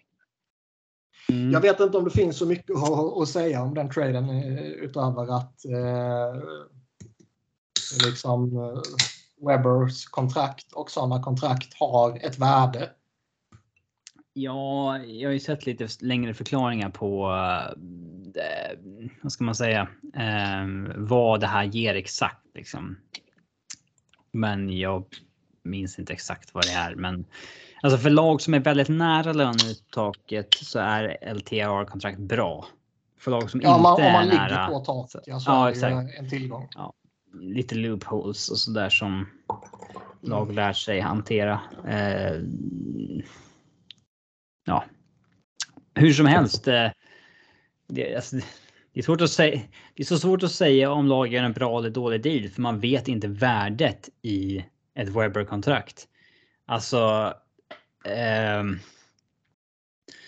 ja, man vet ju inte om Montreal försökte fiska runt Webber-kontraktet i ligan och folk sa ah, ge mig ett förstahundsval då tar jag det.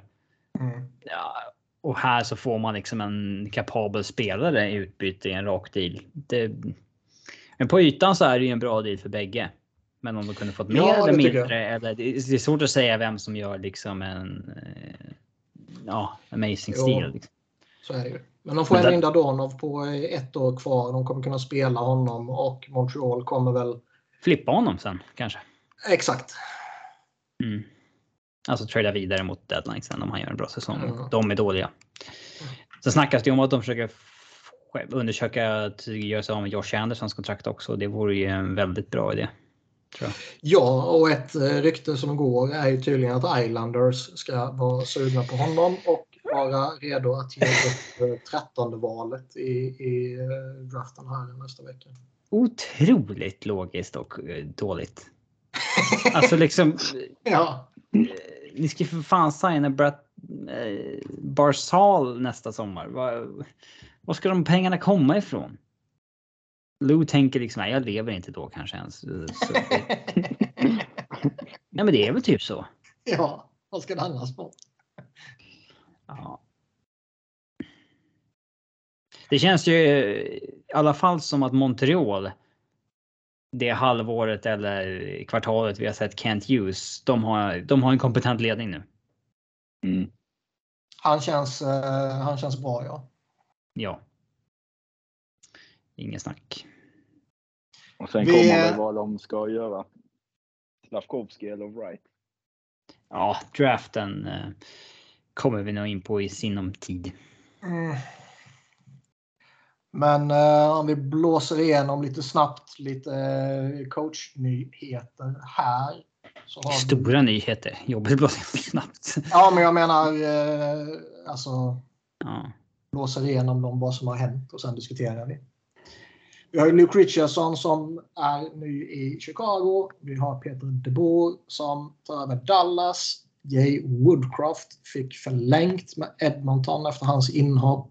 Paul Maurice tar över Florida.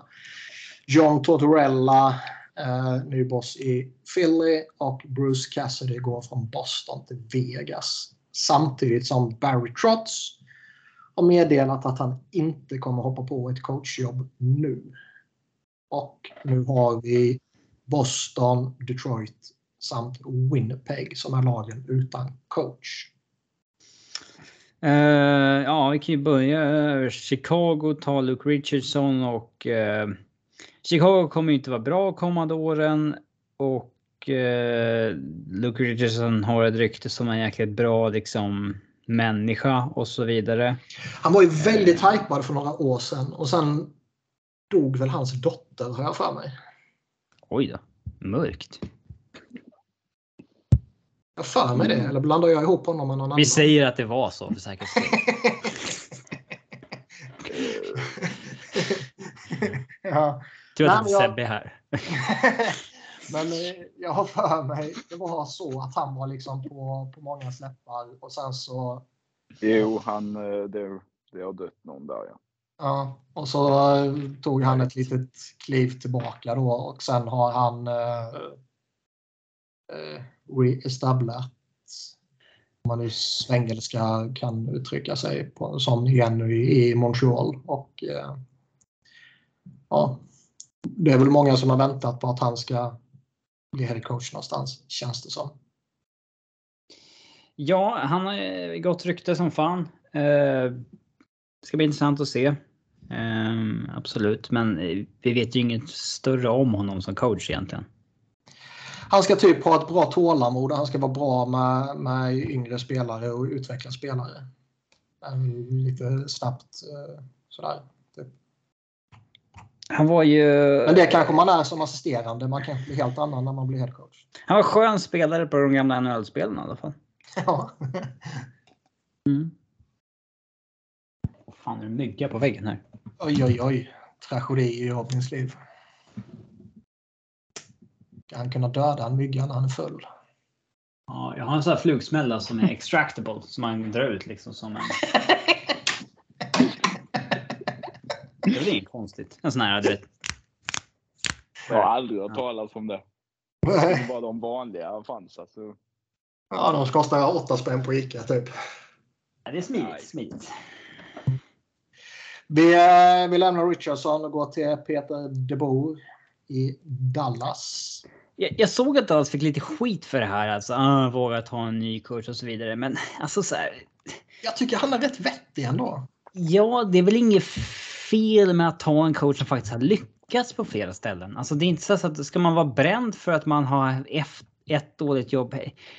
Det vore det är alltid kul att se nya coacher, absolut. Men när det finns coacher som är bra och etablerade, då är det väl inget konstigt i att vilja... Alltså, De Boer tog Devils till final första säsongen med dem. Och sen så tog han eh, San Jose till final första året med dem. Och det har ju gått förhållandevis bra med Vegas också, tycker jag. Eh, jag ser att kräma ur mycket ur veteranlag kort, det är väl egentligen exakt vad Dallas behöver. Eller? Oh ja. Oh ja. Jag, jag tycker enligt, inte att det är fel alls faktiskt. Nej, enligt modellen de ska gå när de ska försöka nu innan Suder och Degen och Ben är helt utan energi och kunna göra något så är väl det bor det bästa valet de kunde göra. Känner jag. Ja, han känns kompetent som satan så. Ja, alltså han är inte en av de här liksom om man Nej, ska välja fem coacher i ligan. Nej, men han är fortfarande på övre halvan utav dem jag skulle vilja ha. Om man tar mittenskiktet ja. på 20 coacher typ som huserar så han fortfarande på dem jag hade valt.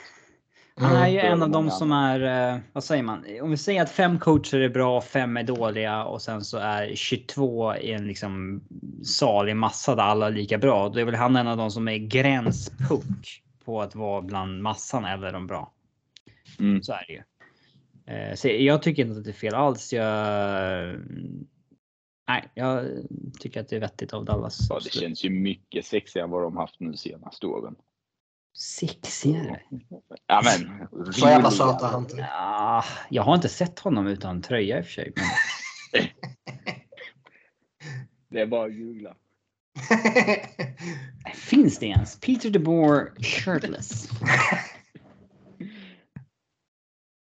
uh, nej, det dyker upp John Thornton shirtless. för att han var väl coach för honom när... Mm. Men det är ju, jag, tycker, jag, tycker, jag tycker han är intressant, men det är ju spännande det här att eh, om det är så att liksom han har varit ansvarig, eller hur man nu vill definiera det, för liksom kollapsad relation med Flory och Lener i Vegas. Om det är... Eh, han är lite hård. Liksom. Ja, är han hård eller kan han bara inte riktigt hantera målvakter för att målvakter är speciella? Eller alltså, eh, var, var, det bara de två som var speciella? Liksom? Lener är ju ett annat case för där var det ju liksom han gick ut och sa att Lener inte var skadad när han var eller hur fan det nu var eh, och så vidare. Men det är ju inte hans fel att Vegas tradade Fleury utan att säga något till honom. Nej, men det var väl eh, annat innan också. Det är inte bara men De Boer valde ju att satsa på honom som etta, tog etta och det gick ju bra. Så att mm. då, då var det väl inga problem. Men då, då löste de väl det helt enkelt. Sen så kom traden. Mm. Ja, nej, det, det, är väl den, eh, den, eh, det frågetecknet som finns över honom. Annars tycker jag som sagt att han är uh, duglig. Liksom. Mm. Inte den liksom om man fick välja fritt man skulle ha, men eh, jag tycker, jag tycker han framförallt passar det stadiet att Dallas är nu. Ja. Man ska kräma ur två, tre bra säsonger ur den här kåren nu med Sagan, Ben, Pavelski. Um, får väl se hur det blir med Klingberg om han resignar eller inte. Men ja, de har Ryan Suter och så vidare. Och det lär väl sammanfalla med Jim Nils eh, sista år också. Han har ju ett år kvar nu.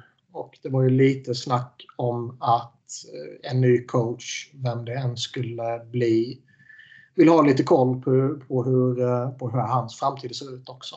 Så att de inte får en ny GM om ett år. Men det verkar som att Nils ska, ska stanna ett par, tre år till och sen så eh, släppa över det. Typ. Men av det som fanns tillgängligt, om nu Cassidy signar med Vegas och Barry Trots inte ska coacha i år så var väl de Boer ganska... Ja, det, är, det är typ han som är alternativet. Jag, jag tar ju hellre han för eh, Tortan och eh, David Quinn som nu ryktat liksom Boston. Då tar jag hellre De Boer. Mm. Paul Maurice kanske där uppe, men eh, ja. Vi hoppar in på Paul Maurice då, för den tycker jag är intressant. Pissar de på Andrew Burnett här? Gör de det?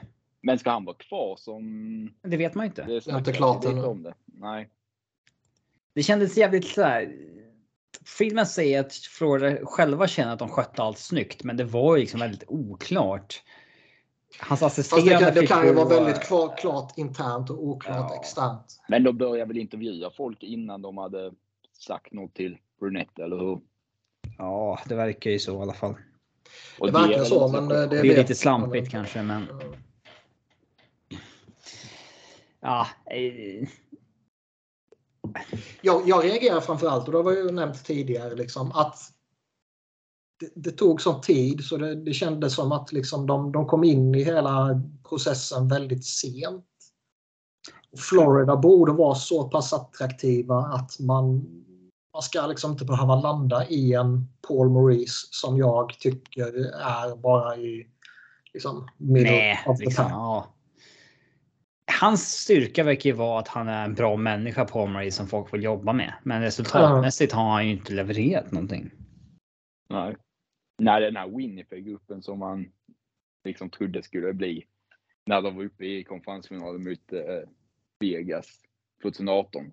Sen har det egentligen bara gått ut för ja. med det laget och då tänkte man att det skulle gå åt andra hållet. Visserligen att Bufflin liksom sket i allting och Wheeler blev äldre och Scheifele tappade av men eh, det ligger det väl ändå, ändå lite på honom? Eller? Ja, det måste det ju göra.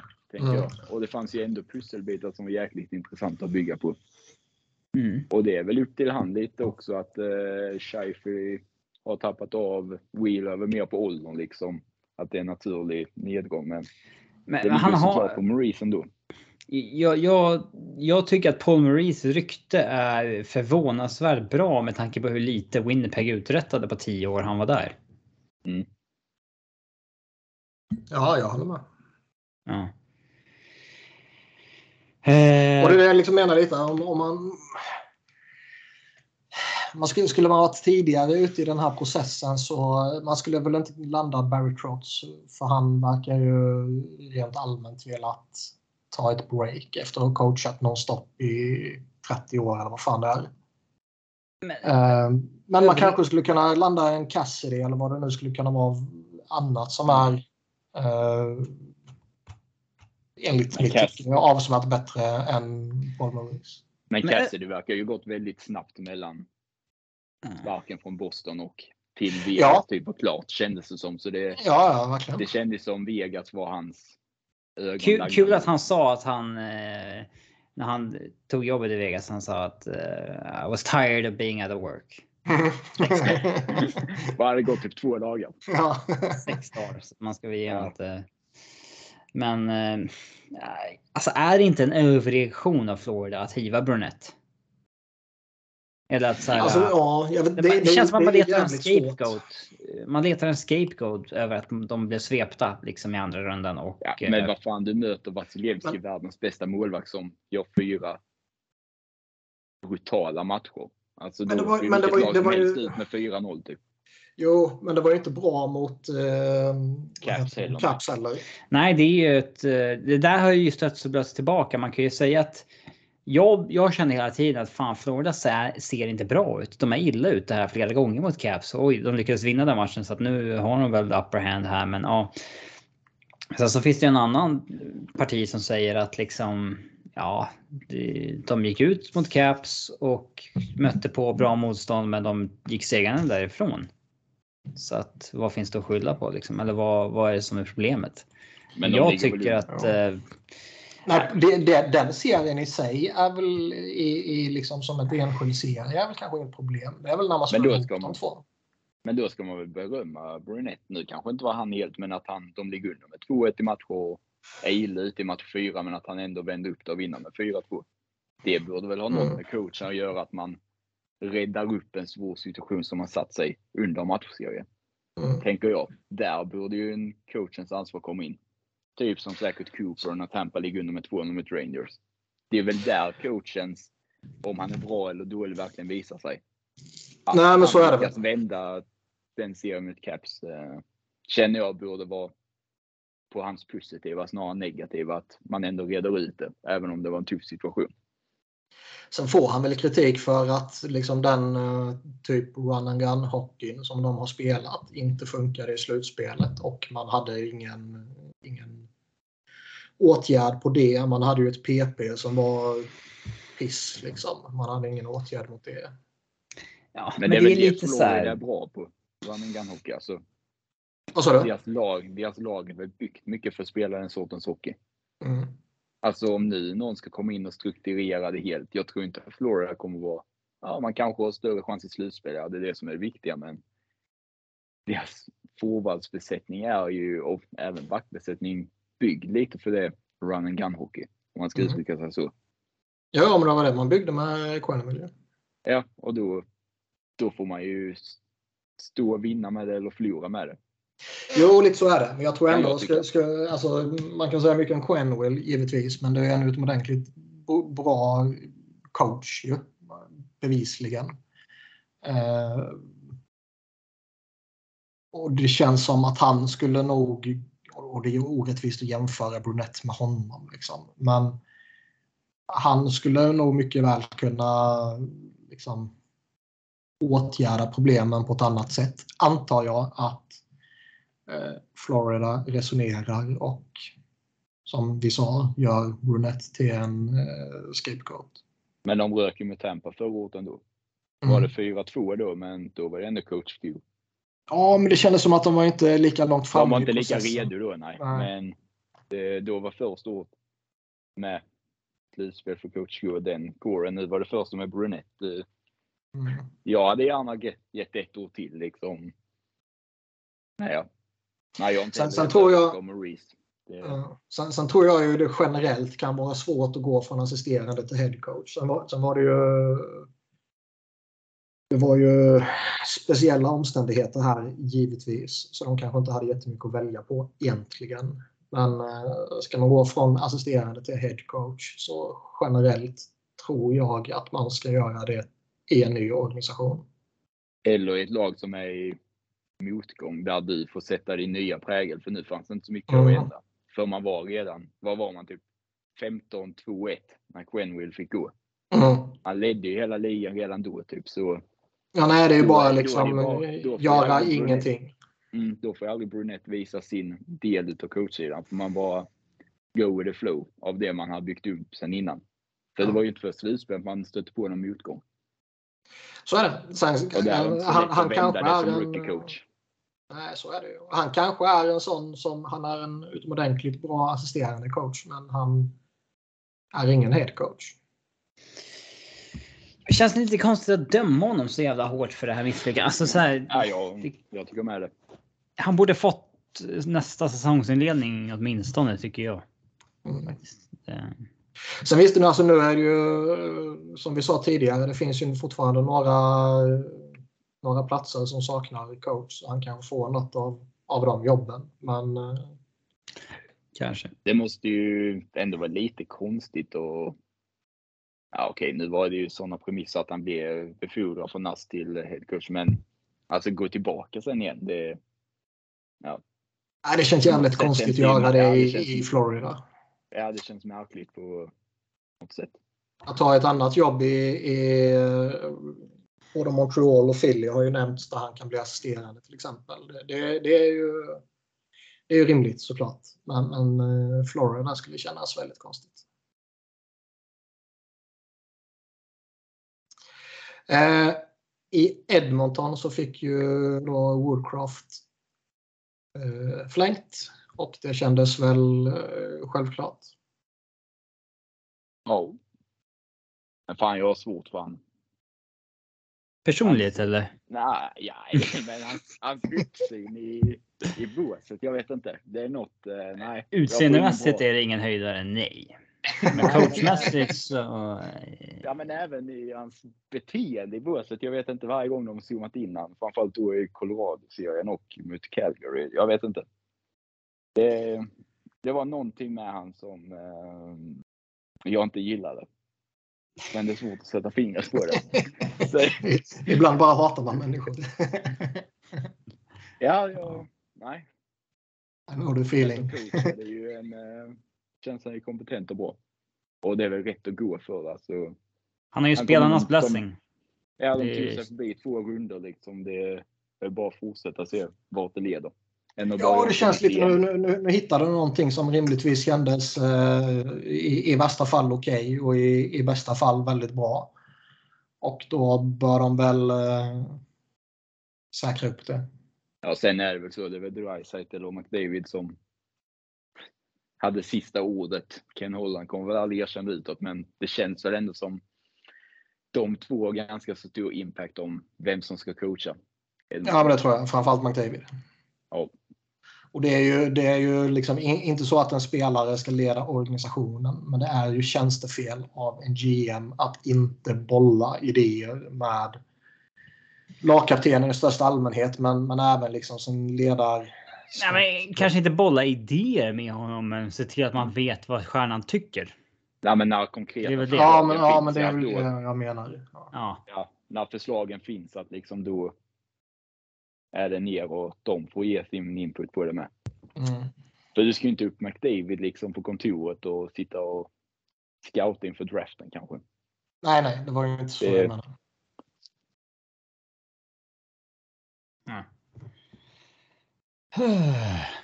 Bruce Cassidy var vi inne på lite snabbt tidigare. Han uh, fick kicken av Boston två veckor efter att han hade blivit tillsagd att han satt säkert. Och två dagar efter det så eh, var han klar för Vegas. Han känns ju som bästa, han känns som bästa coachrekryteringen. Ja. Han, är liksom ett, han har otroligt bra facit den korta tiden han var i Boston. Eh, korta eller långa beroende på vilket perspektiv man har. Men eh, att ta över ett bra lag som Vegas med en veteran-core det känns som klippt och skuret, tyvärr.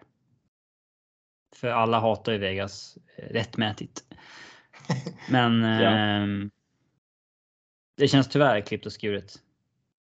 Ja, nu, nu när Barry Trotz eh, och, och, om han var på marknaden på riktigt eller om han bara lyssnade runt känns så jävla svårt att, att avgöra. Men nu när han inte tog något jobb så var det ju Cassidy som var det mest attraktiva namnet. Och det var väl rimligt att det mest attraktiva namnet landade i Vegas.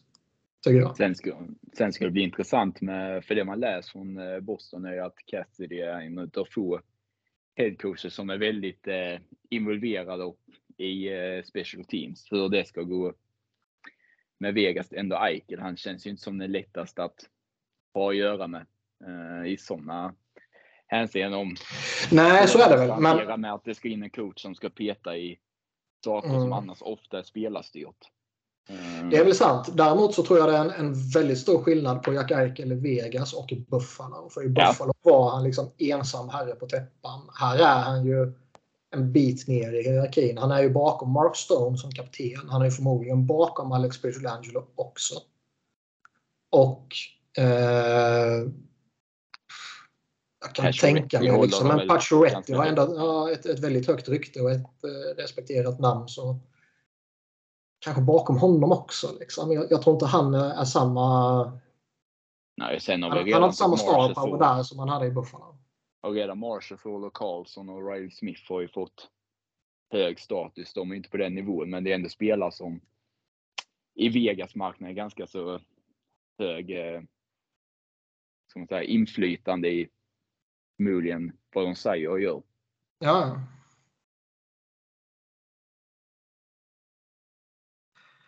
Eh, och sen har vi ju det, det stora kvar då givetvis. Barry Trotz vill inte Kommer in till Nashville om något år. Ja. Eh, Vi kan ta Trotzen först. Kanske. Eh, Det är inte... Väljer han att inte hoppa på någonting för att han det inte fanns ett tillräckligt intressant jobb eller för att han deep down inte vill vara coach? Det låter ju nästan så. Ja, och sen har han väl en, eh, är det en dotter. Eh, Om inte det, var följde hon som dog. Nej, hon lever fortfarande tror jag. Det var det Luke Richardsons. Men man följde ju i eh, när han var i Caps, när de hade någon Winter Classic eller vad det var.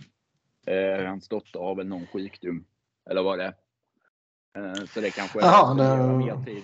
Ja, det var någonting sånt och Ja, det har jag missat. Men, men han, Ja. han har ju pratat om att, att, att han typ har liksom, nu har jag coachat nonstop Mm. sen jag blev coach för, för Nashville och eh, jag har liksom förlorad tid att ta igen med familjen. ja, och det jag tror Det är ju kod för att eh, det finns inget intressant jobb. Alltså det, är- det är ändå Winnipeg var ju där som är hans eh, hemort liksom. Ja, Och- ingen från Winnipeg vill ju komma tillbaka till Winnipeg. Det är ju, Ja, men- Nej, men, Alltså, men det, det är finns inte, det är ju Det inte... finns, ju, det finns ju inte flygplan dit eller vad fan ni också. Nej, exakt. Men det finns ju ändå, det finns ändå koppling till stan. Liksom. Och, och säga vad man vill om Philadelphia, men allting tyder ju på att de slängde upp liksom sju jävla miljoner per säsong till honom. Och gratis öl eller vad det var. Nej, det var Winnipeg. Var det Winnipeg som gjorde? Ja. Gratis öl och gratis någonting annat också från två olika företag. Men menar, alltså, alltså ta- tacka nej till, visst nu har han tjänat lite pengar under sin karriär givetvis, men tacka nej till, till 7 miljoner vad man än tycker om, om flyers liksom. Det, då, då är man nog rätt inställd på att inte vara coach. Eller säger det väldigt mycket om Flyers. Säg så här, jag är väl rätt övertygad om att det säger rätt mycket om båda faktorerna. Nej, men jag tror det med hans dotter för, som är sjuk, att det spelar in lite mer än om man har haft en dotter som varit helt frisk. Sen eh, vad hon har har jag inte eh, på näthinnan just nu, men eh, någonting är Han köpte ett hus i Nashville nyss. jag tänkte säga det. Ja, det ryktas ju om att han ska in i den sportsliga organisationen. För det var ju en Ja, faktor när, när, när han var aktuell för coachjobb så att säga. Att på sikt så kanske han vill ha en, en övergång in i management i, på sitt Ja. nya jobb. Och det har ju pratats mycket om i Det har jag ändå en pedigree att eh, backa upp. Alltså liksom att vilja ha. Mm. Sen kanske han inte är bra på det. På samma sätt som han är bra på att vara coach. Men Han har ju gett sig chansen att få det. ja, kan man lugnt säga. Alltså det är ändå, eh, om han nu ska flytta tillbaka till Nashville med, med husköpet där och alla är väl tämligen överens om att David Poyle bör liksom ersättas Ja, men det är hans kort son. i alla fall. Det är David Poyles son som kommer ta det. Ja, det är det alltså.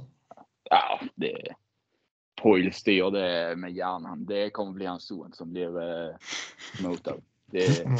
Diktaturen Nashville. ja, men det är. Men jag menar, kommer, kommer Barry Trotz och, och liksom, visst, nu, nu, det är ju många coacher och många spelare som liksom eh, man har sin, eh, sin bas i där man kommer ifrån eller någonstans där man trivs och sånt där och sen så jobbar man någon annanstans och flyttar man dit över sommaren och sånt där. Så det behöver inte betyda ett skit att han köper ett hus i Nashville. Men skulle han glida in i Nashville och göra det känt att liksom, okej, nu vill jag in i management. Jag bor i Nashville. Jag kommer äta mina middagar på Martins Barbecue. Alltså, fan gammal Poyle är egentligen. 72 bast. Ja, det är helt sjukt. Det, Men alltså, Vi har ju han- om han, det eh, förut, hans hår. Att han eh, färgar ju det tydligen. För det Ja. finns ju bilder Ja. på han som är 20 år gamla där han är gråhårig. Ja, för alltså jag sprang på han när jag var i Nashville det, tre år sedan. Ja, men Ja, jag mötte han när vi var inne på en träning. Då alltså, den hårfärgen har du inte när du är 70 bast. Nej, det Det, går inte. det, alltså jag är ju mer gråhårig än han. Och jag är ju 50 år yngre. Vad Jobbigt att färga håret så ofta. Då måste man göra det typ en gång i månaden, eller? Ja, min tjej har gått och lagt sig hon hade vetat annars. Men jag menar, alltså, skulle han glida in i Nashville och säga att okej, nu, nu, nu är jag redo för det här. Då, då är det ju svårt för Poil att stå emot det, känns det som. Ja, men det finns ju så mycket roller. Alltså, de kan ju, det är ju bara att hitta på någon ny roll. Så är det. Och jag menar, bara, bara för att ryktet går att han vill in i management så behöver inte det betyda att han vill bli GM. Nej, men säg att han ska vara någon eh, assisterande till videocoachen eller vad fasen som helst. Alltså, det finns ju Mm. så mycket olika. Men sen tror jag inte det är så intressant för jag tror att för då är det ju fortfarande flyga runt hela jävla landet hela tiden och allting. Eh, Mm. Det känns ju inte som att det, som om man nu tar paus från coachjobbet så är det säkerligen alla resor och sånt som man vill ifrån. Eh, på något sätt. Ja, men det skulle ju kunna vara liksom special advisor to the GM eller någon uh, sån där lullig... Han vill tacka in Ja. en lön och ha det gött. Det är inte Ja. jobba day to day liksom. Typ Ja. så. Men hur gammal är han? Trotsen. Ja. Uh, eh, Barry. Fan, det är bara så 59 skrika. bara. Han känns äldre. Och då ska han över Nashville 98. Vad var han då? Är det 24 år sedan? Ja, då var han väldigt ung. Mm. 30, 35. Nej, 30... Det är Alltså han var ju 24 scout år. innan de gick in i ligan. Så Ja, men jag menar där och då var han väl 20, 36. 35 då. Ja. Ja, visst. Ja, visst.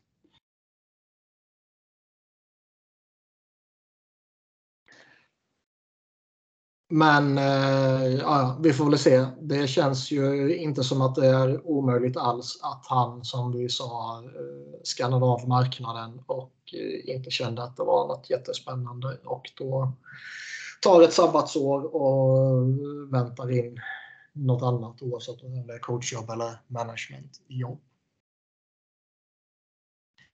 Eh, tårtan i Philly jag har ju tidigare sagt att jag har eh, övertygat mig själv slash lurat i mig själv att det här är bra. Är det som när du drog dig själv att eh, Ristolainen var bra förra sommaren? Nej, men där lurade jag mig inte mig själv på, med samma övertygelse. Det var ju mer liksom att ja, kanske lämnar den skitmiljön och kommer in i en ny miljö och så. Liksom, typ. Ja, det var mera, nej men nu måste Flyers bara liksom gå all in och kasta och Det, måste, det spelar ingen roll på vem, men det, Ja, bara kör typ. Liksom. saker ska kastas Det där-. Det där var ju mer att man liksom hoppades. Nu har jag lyckats övertyga mig själv om att ja, det här kanske är bra. Det finns ju, alltså så här, det blir aldrig bra med Tortorella. Det vet man ju. Alltså det blir aldrig liksom bra, genuint bra. Men det kan ju fortfarande vara en fit att man blir relevanta. Att man liksom... Alltså grejen är ju liksom att Flyers är ju bättre än vad man visade upp förra säsongen. Bara om man får tillbaka de är underskattade skadade- helt enkelt. Nej, men bara av att få tillbaka sina skadade spel. Ja, visst. Eh, så kommer man inte vara absolut botten botten som man var denna säsongen. Liksom. Det är jag ju tämligen övertygad om. Eh, sen säger inte jag att det innebär att man kommer vara en contender, för det är man givetvis inte. Men man kommer väl vara ett bubbellag, typ. Liksom. Och där har vi ju sett Tårtan kunna göra ett bubbellag till att vara lite, lite bättre. Eh, charmigare också. Att man liksom har en identitet och det där. Men är Ja, det och lite det- överdrivet det där med identitet kanske? Ja, kanske lite, men samtidigt har det pratat så jävla mycket från alla olika håll om att Flyers helt har tappat sin identitet och, och liksom inte har någon identitet överhuvudtaget. Och liksom, Måste man vara Big Bad Flyers då? Nej, det, det, tycker väl inte jag. Men liksom någon identitet kanske man vill ha och de har inte haft någon överhuvudtaget. Sen behöver det inte nödvändigtvis vara samma som man alltid har haft. Men, det är ganska eh, likt Columbus dock som var alltså och där det är ju en bra grej att Columbus var ju typ av Flyers nu när han kom in och han gjorde ju dem relevanta. Ja. De gick till slutspel innan det kraschade mot, eh, mot slutet där. Ja, men de gick in och... Eller ja, han gick in och tog dem till slutspel och de var den här liksom lite fram, kaxiga fram, tonåringen i ligan på något sätt. Som, ja, fram, fram till för några dagar sedan så var han ju den senaste coachen att besegra Tampa. Ja, bara en sån sak. Ja. Svepte de också utav helvete. Fan vad sjukt det var i Fasa. Alltså de hade liksom haft världens bästa säsong genom tiderna. och de blev helt toksvepta av Columbus i första rundan. The power of tårtan. Ja. liksom jag, jag, jag har ju intalat mig själv lite att typ det som tårtan är bra på, han sätter en identitet, han sätter en struktur, han liksom krävande av spelarna. Det är liksom grejer som behövs i Flyers. Sen är det klart att det finns eh, faktorer som han inte är bra på. Jag tror, jag tror det här att han är en dinosaurie tror jag är lite överdrivet. För att känns det som att han faktiskt har anpassat sig på ett rätt vettigt sätt till den mer moderna hockeyn efter att det kraschade fullkomligt i Vancouver. Moderna hockeyn, ja. Men jag tror det han är dålig på är att han inte förstår att liksom en 19-årig spelares skalle funkar inte på samma sätt som en 30-årig spelare skalle. Att liksom, han, han verkar inte ha fattat den nya, alltså nya generationen spelare. Du kan inte prata till dem på samma sätt och få samma resultat. Typ så. Jag håller med dig. Han säger dock eh, att han själv har insett det nu och mm. eh, ska bli bättre på det. Och liksom, jag har blivit lurad förr. Jag har blivit lurad av Dave Hackstall för den jävla dåren kom in och sa alla rätt saker och sen så blev det... Eh, blivit lurad av kvinnor, blivit lurad av eh, chefer, coacher, alla. Ja, men, men, men, eh, men Tårtan kom ju in och eh, charmade ju jättemånga med sin första presskonferens. Han säger alla de rätta sakerna och, och han liksom eh, vad, vad ska man säga? Han, han, liksom han sa det som supportrarna har skrikit om. Typ, liksom. Han är ju den mest Philly-coachen som har funnits som inte har varit i Philly. Alltså är han är ju born to be a flyer om man bara tittar på hans temperament och karaktär och allting. Mm. Sen tror jag i grunden tror jag han är en, en, liksom, en kompetent coach. Jag, jag, tror ju inte att han är det här som... Han är mitt i massan, coach. Han är mitt i massan. Jag tror inte han är i bottenskiktet i den mittenmassan heller. Utan jag tror han är i mitten någonstans. Liksom. Vad tror du om matchen Philly Media mot Torch Media? Förhoppningsvis kommer den bli jätterolig. Uh, det är ju en eller två i filmmedia som jag tycker är genuint jättebra. Och eh, de känns inte som någon som kommer clasha med honom. Utan det är väl vissa av de här eh, äldre dårarna som kommer göra det och det kommer väl bara bli underhållande. Det eh, han hade ju lite problem med Larry Brooks i Rangers. Ja, och det kommer att vara typ Sam Khorshidi i Philly nu då. Otroligt kul med Larry Brooks för övrigt att han inte längre får rösta på awardsen för att han vägrade i år för att han, för att han inte ville ha mask på sig när han intervjuade spelare. Så jävla on-brand. Alltså, ja. det är så kul att se den äldre generationen liksom filtreras ut på eget bevåg på det sättet. Vilka jävla pajasar. Alltså liksom på riktigt. Det var väl han som röstade på Dan Girardi före Erik Karlsson till Norris Trophy något år också. Ja, säkert. Ja, det stämmer. Ja. Det sen, kan sen säga. Är det ju, ja, sen är det ju annat lite sådär man, man eh, man har ju alltid funderat lite liksom, ja, kommer han få ut max av en av liksom en, en riktig lirare och stjärna. Liksom.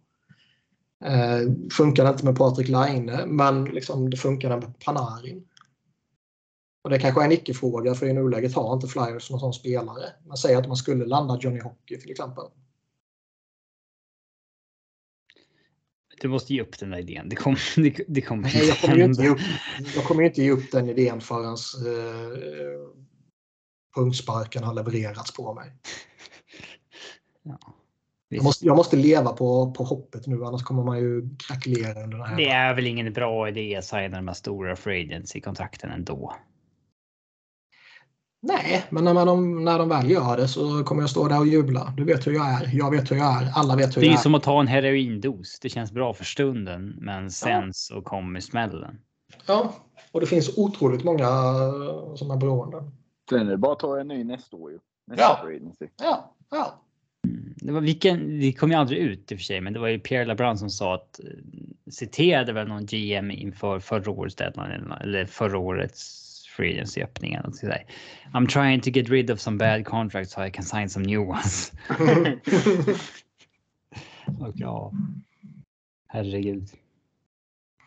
Men eh, jag menar, man är ju... Alltså, sen, sen ska man inte hymla om att det, det kan... Alltså, det ska bli gött att se Tortorella skrika på samma jävla idioter till spelare som jag skriker på i soffan.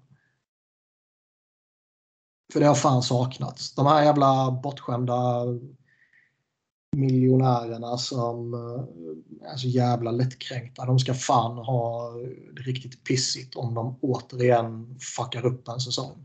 Det ska, det ska vara en pissig arbetsmiljö i Fl- Flyers. Det, är- Det ska vara riktigt, det- det ska vara riktigt pissigt om man eh, sviker. Ja. Det, det, det har verkligen varit helt åt helvete. Liksom. Mike Joe, när, när han kom in som interim coach, har ju liksom... Han fick ju hålla dagliga liksom, genomgångar bara för att liksom, de mest grundläggande sakerna i spelet inte skulle glömmas bort och- eller ignoreras. Liksom. De fick fan träna liksom, line changes, vad heter det? Byten. För att de fuckade upp så många. Mm. Alltså det, så jag tror en, liksom en, en tydlig ledare, en bra kommunikatör. Vilket, eh, Ett lag utan stjärnor också. Där, där, där passar ju Tårtan. ja, Eh, det finns inga stjärnspelare i Flyers. Utan det är en grå massa spelare och det är väl liksom det han lyckades med i Columbus på ett sätt. nej, men lite så. Sen, sen tror jag väl att det, det man har nu är ju inte det man kommer gå in i nästa säsong med. Jo, det blir samma lag. Det har jag Ja, hört. nej, ja. jag, kan, jag kan ju tänka mig liksom Ivan Provorov ligger väl eh, illa till för en trade. Eller bra till för en trade beroende på hur man ser på saken. Eh, Lite för Bra för mycket honom. för att det inte var någon eld där. Och det är fortfarande otroligt att man förlängde med Ristolainen. Ja, ja. Det, det, ja, herregud. Eh, JVR kommer väl rimligtvis skeppas ut. Det har börjat gå något rykte som jag inte riktigt vet var det kommer ifrån om att eh, det är... eh, Flödet. Ja, nej men att eh, typ Lindblom eventuellt kommer köpas ut för att ska, köpa, eller skapa sig lite cap space också. Fan Han är hade- hjärt, hjärtlösa alltså. Ja, Han men han, hade- har, han har inte varit bra. Han hade ingen bra säsong alltså. Nej, han har inte varit bra. Och det finns ju givetvis förmildrande omständigheter för det. Men han har inte varit bra sen, eh, Cancern. sen cancern. Ja, det är ingen social verksamhet. Nej, lite så. Vad är status på Ellis och Couturier? Kurtz eh, är det nog ingen, inga problem med. Han eh, var ju igång och tränade mer eller mindre för fullt redan under förra säsongens slutskede. Så han kommer ju vara good to go. Ryan Ellis kom det någon sån där flummig uppdatering i, idag när Fletcher hade någon presskonferens inför draften egentligen. Liksom. Då, då sa han att eh, ja, han, eh, det går framåt. Det är bättre för han nu än vad det var för en månad sedan. Och det är tur det. Det, det känns men, som men att... man eh, typ inte hade liksom, han, han behöver fortfarande rehabba en, en bit framåt. Liksom. Det känns som att han kan vara en sån som eh, typ aldrig mer spelar hockey. Han blir bara LTRR från nu och liksom ingen vet varför. Det, det är ju det är ja. jättemånga som börjar få den känslan. ja. Sen så är det väl bara att man... eh, Att det, det var en trade som Flyers gick i fällan på och hade inte hört rykten som andra hade hört. Typ. Liksom. Och ändå vann Flyers traden på de jävla fem matcherna. Ja. ja. Det är det som är det sjukaste med allting. Ja. Ja. Det, eh, Philip Myers dock, som gick i utbyte, han, han får man ju typ cap relief om man köper ut nu. Ja, jag det. Så han har ju fått ett värde helt plötsligt. Ja, Mm. från ingenstans. Det är väl det enda positiva egentligen.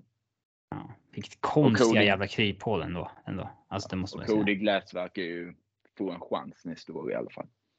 Sen vad fan det är, men. Någonting blir det kanske. Ja. Men vi får se. Det är alltså, ska man ska man liksom göra den här snabba och aggressiva retoolen som man pratar om att man ska göra så bör man ju ha tillgång till Ryan Ellis. Liksom. Annars känns ju den meningslös. Nu blev Joel Farabee skadad här nyligen också och behövde opereras. Och är liksom lite oklart exakt när han är om han kommer tillbaka innan kampen eller om han kommer tillbaka en bit in på säsongen. Typ. Men det är ändå kul att ni har en eh, Kristianstad IK-legend. Som coach. Alltså. Ja, Ja. Han var det på 70-talet typ va? Nej, 80, 81. Ja, Okej. Bra säsong. ja. Ja, det... Ja. Det vet jag inte. Det går ju inte att hitta någonting om den säsongen, varken för han eller KIK överlag. Jättemärkligt. Om du fick en intervju med Tårtan så är det ju det man hade malt. Vad, vad hände den säsongen? Hur kom Men du vi, dit? vi försökte, jag och Niklas, men eh, Ja, jag försökte. Jag, Ja, ja, men det, det går inte. nej, det tror inte jag heller. Men Säg att ni vill prata om hundar så kommer ni få en intervju. ja men alltså var Kristianstad IK, det är... Han har inte pratat med någonstans där. Det är jag tror Jag- jag- jag tror- jag tror man har DN stö- Om, eh, om DN typ om eh, sitt bråk med Brandon Dubinsky. Nej, exakt. Jag tror liksom, skulle man kommit i kontakt med honom. Eh, nu försökte ju jag jag försökte ju gå via ESPNs eh, typ presskontakt liksom, när han jobbade där. Men fick ingen respons där. Och eh, skulle man kommit i kontakt med honom så tror jag ju att det finns en större sannolikhet att han vill prata om en sån grej än liksom okej, nu pratar vi inför slutspelet eller nu pratar vi om det tid i Rangers eller varför det gick åt helvete i Vancouver och sådana där skitgrejer liksom. Men eh, det var något mer jag... Jo, finalisterna. När Barry Trotz eh, eh, tackade nej ska jag ha varit då Tårtan såklart och sen Peter de Boer, vilket jag tycker är rimligt. Och sen jävla Jack Capuano. Ja, vad fan grävde de upp honom? Alltså liksom, jag trodde han var helt körd som coach. För han var ju liksom Alltså- usel som coach i... Eh, Han är ju i ligan fortfarande. Han, är, han har ju varit assisterande de senaste åren i Florida ja, men han var ju pissusel i Islanders i liksom sex år. Ja, ja, herrejävlar. Skulle man, skulle man landat honom då, herregud, då skulle man ju behövt bränna ner hela jävla Philadelphia. Också en snubbe som spenderade många jävla år i Sverige. Som spelare. Var var han någonstans då? Han var i, först i Björklöven, sen i Arboga, sen i Leksand, sen tillbaks till Arboga, sen Malmö Redhawks, sen Arboga. Jävlar, Han var- vad hade han för koppling till Arboga? 10,2 eller? Ja, nej, men han var i Lettland som spelare och i Ryssland och i... Fan, kan det här ens stämma? Kan det här vara Nu- hans riktiga spelarprofil på Nu låter du fan vad sjukt. Nu, nu låter du som Sebbe. Drar upp... Eh, inte, han har liksom ingen spelarhistorik i Nordamerika alls på Elitprospect. Nej, det måste varit något som fuckar ur. För tittar man på honom, alltså titta på hans eh, spelarkarriär under hans eh, Spelarprofil. spelarprofil så är den helt annorlunda. Ja, Nordamerika. Ja, ja, trycker man på player profile på honom när man är på hans coachprofil så hamnar man på Alexander Semjonovs Ja men det är ju han, eh, ja, men det är han som är pappa till eh, Roman och Maxim. Maxim i AIK. Ja, det är ju fellänkat på något sätt. Ja, för han är ju farsa till dem. Som spelar i Troja och Tingsryd förra året respektive AIK. Ja, det här måste vi nästan skicka. Det här, ja, vi måste se till Johan som driver Elite Prospect. det ser Fan, jag, jag, ska, jag ska skälla på honom imorgon. ja, herregud. Eller får du ju liksom lägga fram det så och säga är detta Jack Cabranos karriär?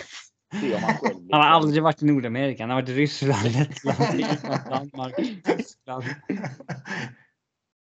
Nej, det är bra att man är källkritisk. Och inte bara liksom det här har jag sett på internet. Mm. Um, har, har vi något mer att säga om tårtan? Det är för att Jack Capuanis URL är staff nummer 852 Jack Capuano och spelaren är player 852 Alexander Semjons. Så de har liksom haft samma staff och player number i URLen som har gjort att det här sker. Capuano, vill du säga något mer om honom? Nej, om tårtan och flyers. Jaha. uh, uh, nej. Det ska bli underhållande från utsidan. Där man inte bryr sig om hur det går. men så här, man, vet, man, man, vet att flyers inte blir jättedåliga och man vet att de inte blir jättebra. Så är det ju. Ja. Och det är kanske vad flyers behöver. Om det inte funkar så får man väl kicka honom ett år, ett, ett år eller två. Det är väl inte mer Ja, och även om jag gillar honom nu så kommer jag ju tröttna på honom så småningom också. Det är inte så att man pissar bort eh, en ung generation här heller. Visst, Carter Hart är 23, Joel Farabee 22, men de har inte nyss draftat liksom Conor McDavid och kommer lägga honom i händerna på Tortorella liksom. Så, mm. så är det ju inte. Mm. När, när draftar man i sommar? Eh, femte valet. Simon Nemets. Ja, eller Lekkerimäki. Han går inte sökt. Ingen jävla svensk jävel. Vad som helst förutom en jävla svensk jävel. Eh, vad kul det var att han... Eh... Men folk förväntar väl sig att det är eh, Simon Nemec eller David Jiricek. Typ. Kul det var med intervjun med Lekkerimäki i Athletic när det var så här. De läste upp någon eh, utvärdering av honom där det sa så här bra skott, bra offensiva instinkter. Jobbar inte så hårt, har inte så mycket grit typ. Och då sa och la upp det till honom och till så här, tycker du att det här stämmer? Ja, det tycker jag väl. Även om det här om att du inte jobbar så hårt. Så, nej, jag jobbar inte så hårt. det är inte min grej. Liksom. Helt obrydd. Nej, det är något jag kan förbättra, absolut. Jag gör inte mitt bästa. Jag gör vad jag behöver, inte mer. um, vi lämnar tårtan där och uh, som sagt Boston, Detroit, Winnipeg är lagen utan coach. Det mesta oh. tyder väl på att, uh, som vi nämnde, att David Quinn tar över Boston. Ja, Don Sweeney har ju förlängt. Don Sweeney har förlängt. Han skulle, hans kontrakt skulle ha gått ut här ju och eh, det kändes väl som att man kanske behövde säkra upp honom innan man hade en coach på plats också. Detroit är det väl rätt många som förväntar sig att eh, Iserman kommer, eh, om han inte redan har gjort det, prata med Tampa-assisterande coacherna. Mm. Ja, men det känns ju som en enkel slutsats att dra också. Eh, det känns ju inte som att Många säger det här, så fort ett namn har kommit ut, då innebär det att det inte är aktuellt längre. Mm. Han Lalonde nämns ju som aktuell som Detroit, för Detroit coach, men det känns ju som att Iceman kommer ta någon helt off the board. Ja. Typ såhär någon agent som kliver in eller vad fan som är. Alltså, Supporter eller vad som helst. Eh, det är väldigt tyst där i alla fall. Winnipeg är det ju Jim Montgomery har nämnts och... Fan vad de säljer Trotsky ändå alltså. Ja. Jävlar. Får ta någon av pissalternativen som är kvar. Alltså Jim Montgomery tycker jag ändå är ett halvintressant eh, alternativ. Vill inte Claude Julien coacha eller vad är grejen? Ja, fan vet. Han var ju med i en podd häromdagen med Strickland och um, Ken mm. Jansen. Jag vet inte vad han sa i den men. Han hade ju Kanada i VM också. Mm. Han håller sig fortfarande relevant. Ja. Även Samtidigt. Om han ändå är relevant i ligan fortfarande. Ja, jag tänkte säga, är, han, är han det liksom? För nu är det några år sedan. Eh, eller nej, det är inte några år sedan. Det är ett och ett halvt år sedan. Det känns som det är längre tid sedan han försvann. Ja, men hans renommé från Boston måste väl fortfarande göra att han är... Sen att eh, Cassidy liksom fortsatt och nästan gör Boston bättre. Det kanske talar emot att eh, det han gjorde i Boston var så himla bra de sista åren. Ja, sen och liksom sen även... Tiden, ja, vad ska man säga? Var det han som var coach när de vann eller? 2011? Ja. ja. Mm. Mm. Men han var inte coach i Montreal när de var i final väl? Nej, för fan. Det var ju förra Nej. året. Ja, det var det. Herregud. Det var ja. pinsamt, eh, Max. Men vad fan, tiden flyger ju förbi. ja. Men jag menar, även om han har tagit lite, lite Kanada-uppdrag så här mot slutet så han har ju inte eh, liksom cirkulerat i NHL-kretsar. Han har liksom inte tagit ett tv-jobb som jag pratat om. Liksom, att det är, det är ett sätt för alla andra att se att du fortfarande finns och håller dig uppdaterad om ligan. Typ. Jag menar, han kanske är lite eh, åsidosatt bland eh, många. Eller så anser han att eh, nej, jag, jag kommer inte ta vilket jobb som helst. Jag kommer vänta ut det perfekta. Eller mm. så bara ska han vara i Kanadastaben och jobba runt det nu om det ska bli riktiga mästerskap med NHL-spelare och annat. Mm. Mm. Det, det är ganska bekvämt ändå. Liksom, I Sverige så jobbar han ju bara med landslag om man är där. Nu spelas ja, ja. det ju fler landskamper för europeiska landslag, men om han vill in i den och vara the main man i Kanada-båset så är det väl också ganska så chill kan man tänka. Ja, absolut. Och välbetalt förmodligen också. Sett till hur lite du gör. Mm. Um, vi går vidare med lite Nashville där det både snackas om att det är nära med en ny ägare och där Kraven från Filip Forsberg ska vara åtta år och typ 8 miljoner. Stämmer det hade ju kontraktet varit påskrivet för länge sedan. Man tycker ju det. Alltså det, för det var ju, sen kom det ut, först kom det ut att han eh, nöjde sig med mindre, precis under vad Josie hade. Vilket mm. är 9,059. Och ja, då strax över vad Johansson Duchene kanske har. Men sen har det gått ner en miljon till. Sen dess så är det 8 gånger 8 så stämmer det så hade ju kontraktet varit signat för länge sedan. Är min känsla i alla fall. Ja, man tycker ju det. Det känns ju väldigt fair för Nashville. Ja, 8 år är väl kanske inte så roligt, men 8 miljoner. hade man ju tagit alla dagar i veckan och sista åren får det väl vara som det är. Med alla de kontrakten. Ja, lite så. Alternativet är ju att tappa gratis och det suger ja, ju mer än allt annat. Alltså hur du, du lider ju fortfarande av att Ryan Suder gick gratis. Ja, och det är tio år sedan liksom. Ja. Fan vad tiden gått sedan dess. Ja. Helvete vad gamla vi börjar bli. Niklas och jag. vi, vi poddade ju för fan då liksom om det. Ja. Otroligt hur länge vi har hållit igång det här. Cred till oss. Indeed. Inte så många som lyssnar för sig, men det är... Vi gör det inte för lyssnarna. Det är vår egen terapi det här.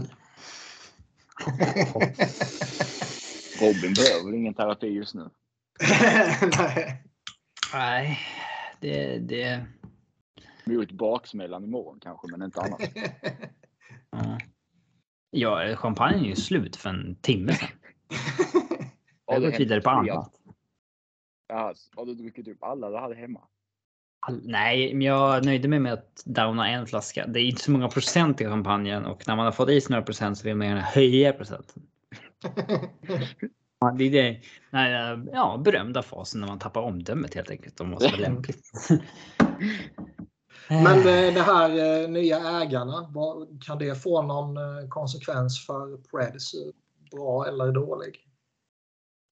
Nej, alltså, det lär väl ta lite tid med innan han blir majoritetsägare för han ska köpa. Um, Herb Fritch delar av aktierna, för han är majoritetsägare nu via, via Nashville Holdings. Så det kommer ju ta tid innan det kanske ger någon effekt. Men eh, Fritz sa ju själv att man vill ha en mer stabil ekonomisk grund att stå på. Mm. Uh, vad det nu ska innebära. Man har ändå spenderat upp mot taket ganska många av åren. Man hade problem när man skulle matcha Webbers kontrakt, men det är ju också tio år sedan nu. Uh, och så var det där 07 när man var nära att behöva flytta till Kanada när bland annat Herb Fritch fick gå in med egna pengar mm. för att skydda det. Men hur det ska göra någon större skillnad vet jag inte. Det är kanske att man kan ge spelare mer signing bonus och sådana grejer. Att du ska få bonus hela tiden eller när det nyår på kontraktet. Men annars vet jag inte vad det ska göra för skillnad. Sen är han där Bill Haslam svinrik och väldigt populär i Tennessee och Nashville. Så, vilket dock Herb Fritch också är, så jag vet inte vad det ska göra för skillnad egentligen. Det, bara miljonär, miljardärer som vill leka med sina pengar typ. Ja, sen det här med ägar. Eh, jag vet inte i NHL hur stor inverkan det har egentligen. Det känns Alla, som att det var en större faktor eh, tidigare än vad det är idag. Ja. För alla de, alltså de har ju pengar, alla de som äger liksom en NHL-klubb. Så vad det gör för skillnad vem du har. Det är väl klart det är skillnad om du har Ed Snyder eller om du har någon skitfattig för att vara NHL-mått mätt. Men eh, Skitfattig. Skitfattig miljardär. Kommer ni ihåg han som köpte Islanders? Och inte hade några pengar? Ja, men jag kommer inte ihåg vad han hette. Och bara så här, jag ångrar ingenting. För under en månad så ägde jag en klubb och jag hade hur mycket brudar som helst. Och liksom det, och det är så här. Han hade liksom, alltså han hade typ så här 3 miljoner dollar. Han var ju en miljonär. Men liksom första betalningen han skulle göra så gick det ju inte. Liksom.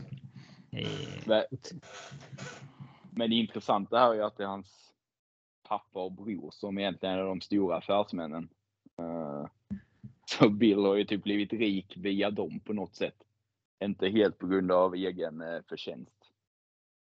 För de driver någon jädra ja, rastplatsgrej. Eh, där det ska finnas mat. Men fan, du, vem fan blir rik på rastplatsindustrin? ja, men alltså det är ju alltså mega rastplats. Megapol, de har ju 750 stycken och sånt över hela landet med där det är hotell och det är restauranger och det kan göras allt vid rastplatser. Alltså det är ju väldigt långtgående rastplatser. De, eh, det var ju typ USAs tionde största privatägda företag för fem år sedan. det lät inte så när du sa rastplats. Nej, det, så det är ju... Nej, det, det, är nu inte riktigt som en rastplats i Sverige. Det känns lite mer utvecklat i USA. Nej, Om man tur finns det en bajamaja liksom. Och så kanske en makt som är öppet två timmar om dagen liksom. Mm. Nej, så det är egentligen inte han, eh, Bill själv, som har blivit rik på grund av egen eh, vad han har gjort. Och sen eh, brorsan ägde ju Cleveland eh, Browns i NFL. Eller äger fortfarande. Mm. Så familjen är ju redan inne i det och äger franchise. Om man kan säga så. Men jag vet inte vad det ska göra för skillnad med att byta. Alltså, ja, det är väl skitsamma egentligen. Vi, eh, vi bränner av några, några snabba grejer här. Det sägs att eh, Patrice Bergeron har bestämt sig för att spela vidare. Det sägs att Carolina har gett Ethan Bear tillåtelse att prata med andra lag. Och Minnesota vill förlänga med Mark-André Fleury. Finns det något vettigt att säga om dem lite snabbt? Uh, ja, men alltså att Bergeron ska spela vidare, det, det ändrar ju Bostons hela strategi för kommande säsong. Då kör man ju en ja. last cracker liksom. Verkligen. Det, så det är en ganska stor grej för Boston. Det, det är kul att han fortsätter. Det är tråkigt när folk slutar när de fortfarande är bra. Man vill ju han, se framförallt är han ju åt helvete för bra för att sluta. Ja, verkligen. Det är inte bara det att han, det är inte bara att, att han fortfarande är bra. Han är fortfarande svinbra. Han är fortfarande elit. Vi har inte sett ett dipp i hans decline. Liksom. Det är mm. stört. Uh, mm, oj, börjar hicka mycket. uh, men... Um, men vad, var det, vad, en... vad var det andra du sa? Flurry vill, eller Minnesota vill förlänga med Flurry. Ja, om jag var Flurry och hade ett år kvar hade jag inte valt att förlänga i Minnesota. Men visst, han kanske inte får ett första målvaktsjobb i ett contender. Vilken contender behöver en målvakt? Han, kanske ja, han, har, han har ju utgående kontakt. Ja, exakt. Vadå? Ja, du pratade om att om jag har ett år kvar. Eller men, men du menar... Ja, om han har ett år kvar i sig. Okej. Okay. Ja, så signar han ju inte med. Men ja, vilken contender behöver en målvakt? Oh, kanske Avs. Kanske Pittsburgh Penguins. Mm. Kanske. Samtidigt har de pengar liksom. De behöver lägga de pengarna på Letang och Malkin. Typ. Ja, verkligen. Vilket för övrigt verkar vara eh, långt ja. från snacket. Står det i schemat eller? Nej, det har jag glömt. Nej, det känns Edmonton. Ja. Känns definitivt känns som det inte som, att Edmonton... Efter. Känns det inte som att Edmonton kommer vara laget som tradar för Gibson och ger upp en arm Ja. Mm. Känns som det. Men jag tror att Fleury lite hade passat i Edmontons. Ja, det är lite som Flora run and gun spel. Han är ändå den målvaktstypen som eh, är lite fladdrig och gör sådana. Passar i sånt spel kanske. Men vad fan, han är 38 nu så. Sen när fan passar en målvaktsstil ett visst spel? Att en fladdrig ja, målvakt passar ett run and gun spel? Ja, men det är väl klart att eh, det är väl klart att en målvakt passar olika i olika spelsystem. Ja, men kanske visst. Du kan ju säga att en målvakt som spelar på procenten och skär av vinklarna passar i ett lag som släpper till low danger shots. Men ja, och fladdrig målvakt skulle, ja, men alltså, skulle passa dem. Som gör dem eh, som kanske gör räddningar som man inte borde. Mer så det är ju sånt spel Edmontons målvakter utsätts för. Och det är väl Free mer än någon annan kanske i ligan. Har varit. Mm. Fine. Jag håller inte med. Eh, det sjukaste på hela jävla körschemat är ju att Johan Garpenlöv tydligen ska vara aktuell som jobbet i San Jose. Det känns ju ganska far att ta i luften. Det känns ju inte så aktuellt faktiskt. Sen du skrev alltså, upp det här så har det inte surrat sånt om det. Jag tror eh, Friedman nämnde det så sent som igår eller idag. Nah.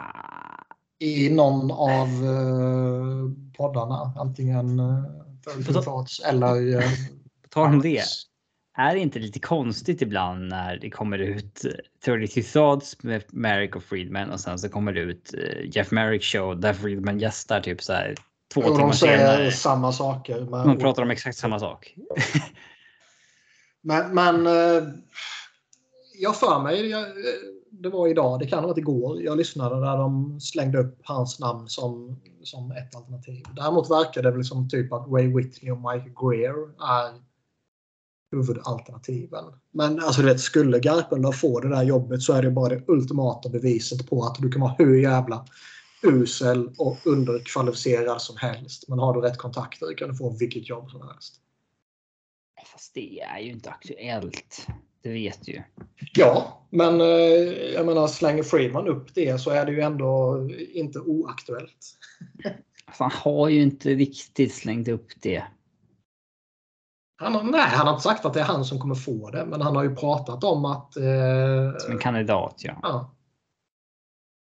Men det känns ju som att någon drar slutsatser. Någon utländsk. Vem har spelat i?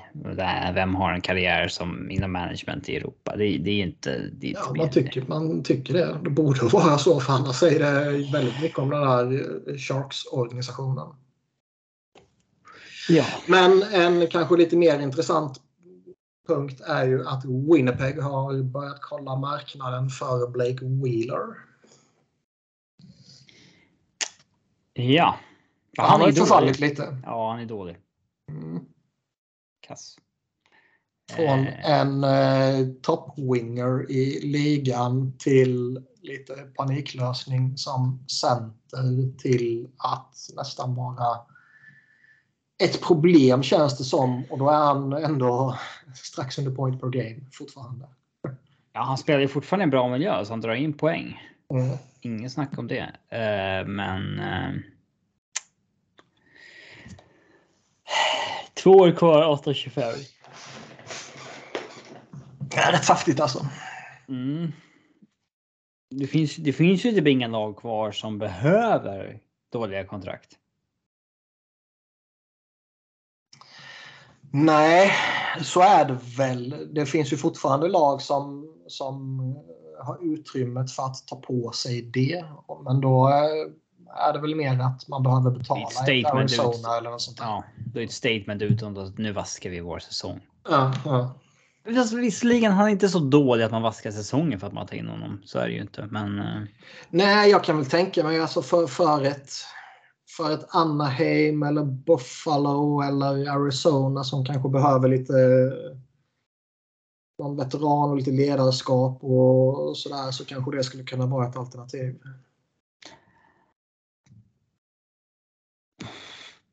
han har ju en no movement klausul, en modified no trade med fem lag han kan lägga upp. Känns det som att de lagen kan vara på den listan. Ja, om han är rädd för att trada så är ju de hans bitta på listan kan man ju lugnt säga. Mm. Ja, så är det. Eh, går vi vidare så sägs det att det kanske kan vara en liten beef mellan Artemi Panarin och Chris Drury i Rangers. Och, eh, det har börjat spekuleras lite om en eventuell trade kanske. Men eh, det borde väl inte bli av. Rangers sägs också vara intresserade av Pierre-Luc Dubois som ska ha meddelat Winnipeg att han kommer testa marknaden som UFA 2024. Kopplas redan ihop med Montreal. Borde inte han eh, i brist på bättre uttryck slutshamas lite grann Dubois snart? Ja, men liksom, eh, han ville bort från han ville bort från Columbus. Nu vill han bort från Winnipeg helt plötsligt och. Ja, men hade det här varit en ryss eller något dylikt så hade det ju varit slutshaming utav helvete att han inte ville att committa och så vidare. Ja, fransk-kanadensare, då gör man inte så. Alltså då, då eh, vad heter det, då um, Slutshamas man inte. Nej, exakt. ja. Sen är det väl liksom att, att man vill bort från Columbus där. Det är väl inte orimligt. Och att man vill bort från Winnipeg, staden Ja. åt helvete och, och laget börjat förfalla. Det, det är väl kanske inte... Nej, nej, jag bland, klandrar inte honom inte alls. Det är väl ingen som vill vara där. Nej. Ehm, Vart fan är hans kontrakt? Ja, där. Han är RFA i år alltså. mm, Hur långt har han kvar till UFA? Två år? det är väl några år. Mm. Ja. Men för Rangers att plocka in honom som typ andra center vore ju eh, Otroligt bra. bra. Ja. Han är väl ingen stjärnspelare så, men han är väl en bra... En väldigt solid second liner typ. Det var väl lite som man tänkte när han skulle vara tvåa bakom Scheifele. Det Mm. var lite samma med tvåa bakom Zibanejad. Mm. Väldigt bra i den rollen. Förmodligen. Man tycker ju Men då det. innebär det väl att både Kopp och kanske Strome är avskrivna och förlänga. Strome borde ju definitivt vara det. Kopp kanske Ja. man eh, vill lösa ändå. Ja, han var ju bra när han kom till Rangers. Så Mm. det, Vill, eh, vill ni säga något om Hall of Fame? Daniel Alfredsson, Roberto Luongo, Daniel Sedin, Henrik Sedin, Erika Sallinen och Herb Carnegie. Jag tycker hela Hall of Fame-apparaten är ganska skit. Alltså den här... uh, att uh, visst antal spelare måste in varje år oavsett om det finns kandidater eller inte gör att uh, ja. ja, jag gillar inte. Nej, och det är så utarmat nu också. Det, det är så många. Alltså samtal. De la ju upp samtalen till Alfredsson och Sedinarna på TSN och det är liksom så här det är bara going through the motion svar från dem. Alltså, ah, nice to hear, it's a great honor. Liksom så här. Det är inte ens en speciell grej längre för dem. Nej, för att det är så många som har valt sig in. Typ så. Eh, ja, det är väl trist, men eh, det är väl klart att de ska in sett till den standarden som är satt. Typ så. Ja. Sen är kanske standarden för låg.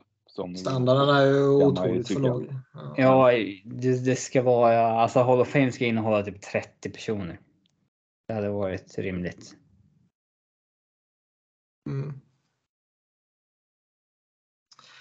Vill vi säga något om uh, awards? Matthews fick Hart, Storken, Vecina, Moit Sider, Calder, McCarr, Norris, Matthews, Ted Lindsay, Bergeron Selke och Daryl Sutter, Jack Adams. Uh, jag tycker väl att det var ganska rimliga uh, awards, eller? Ja, ja, det var väl lite öppet kring Jack Adams med lite brunett och så här som kunde vara intressant. Men Daryl Sutter kom ju in och gjorde det otroligt bra med Flames så det var inte orimligt direkt. Nej, det var ganska bra val tycker jag. Hart är väl, eh, man kan väl alltid slänga upp någon annan, både Storken och eh, McDavid som alternativ såklart. Men Matthews är ju inte orimligt heller. Börjar han inte bli lite tunnhårig Matthews? Eh, framförallt så är han ju en Såg ni bild på yngre kopia av Ron Jeremy. Ja. Så. Ja. Men jag, jag, fan, man känner bara som att awards blir mindre och mindre relevanta. Mm. Uh... Vi borde få en röst tycker jag. ja. um... Jag vet inte om det finns mycket mer att säga om awards. Så vi hoppar in på några lyssnarfrågor och bränner av dem lite fort. Eh, ni borde diskutera vilken tränare som har störst inflytande på sin GM och tvärtom hade varit intressant. Tvärtom? Vad är det med det? Minst inflytande på sin GM? Eh, nej, jag tänker väl på där GM har inflytande på coachen. Det, Ja. Så du tog med den frågan. Den skrev jag bara till dig Niklas. Gjorde du? Ja, det var jag vi, när vi diskuterade någonting. Jaha. Och bara skrev jag det. Ja, det är mycket möjligt. Jag, jag, eh... Vad hade du för tankar med det då, Max? Ja, då kan du utveckla din fråga här. nej, jag, jag ställde den bara för att vilja... Nej, men... Vill komma med i podden? ja, exakt. Ja, exakt. Det var baktanken med det. Nej, men eh, lite hur eh, man pratar ju mycket om eh, att ja, många coacher spelar någon skitspelare om det kanske styrs av någon eh, GM uppifrån. Alltså hur mycket inverkan en GM har på istid och vilka som ska spela och sådana grejer. Det, Men det, är ju, det, det, är ju spännande för det, det är rätt ofta ändå man, det känns som att en GM och en coach typ inte är synkade över spelare som typ kallas upp från AHL och liksom eh, hur de kan användas och om de ska användas. Och GM säger en sak och coachen gör typ raka motsatsen tre timmar senare när det är match. Liksom. Så, eh, de ja, är nog inte alltid jättesynkade. Nej, det känns ju konstigt liksom att två så som ska driva det sportsliga inte är mer överens och även kanske i trades och sånt hur mycket eh, tränaren är involverad och hur mycket de har säga till om egentligen. Eh, det är ju stora beslut som tas där kanske två motpoler då inte kommer överens om vad man ska göra med en viss stor trade som någon GM har gjort som då coachen inte alls uppskattar och tvärtom. Mm. Tortorella har ju ett rykte om sig att vara väldigt krävande både mot spelartruppen men även upp mot, eh, mot sin GM. Att, eh,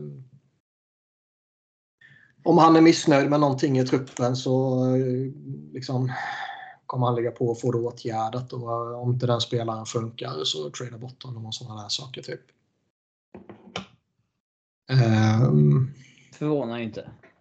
Nej, inte alls. Däremot så är det ju jättesvårt att skaffa sig en bild av det. Det krävs ju att man har någon form av insyn. Över vilka Ja, verkligen. som ligger på. Det är en ren gissningslek annars och man har inte koll på 32 lag på det sättet. Så att, eh, det är en ganska dum ställd fråga. Men, ja, ja. Men det känns som differensen är eh, större i eh, Nordamerika NHL än vad den är i Sverige.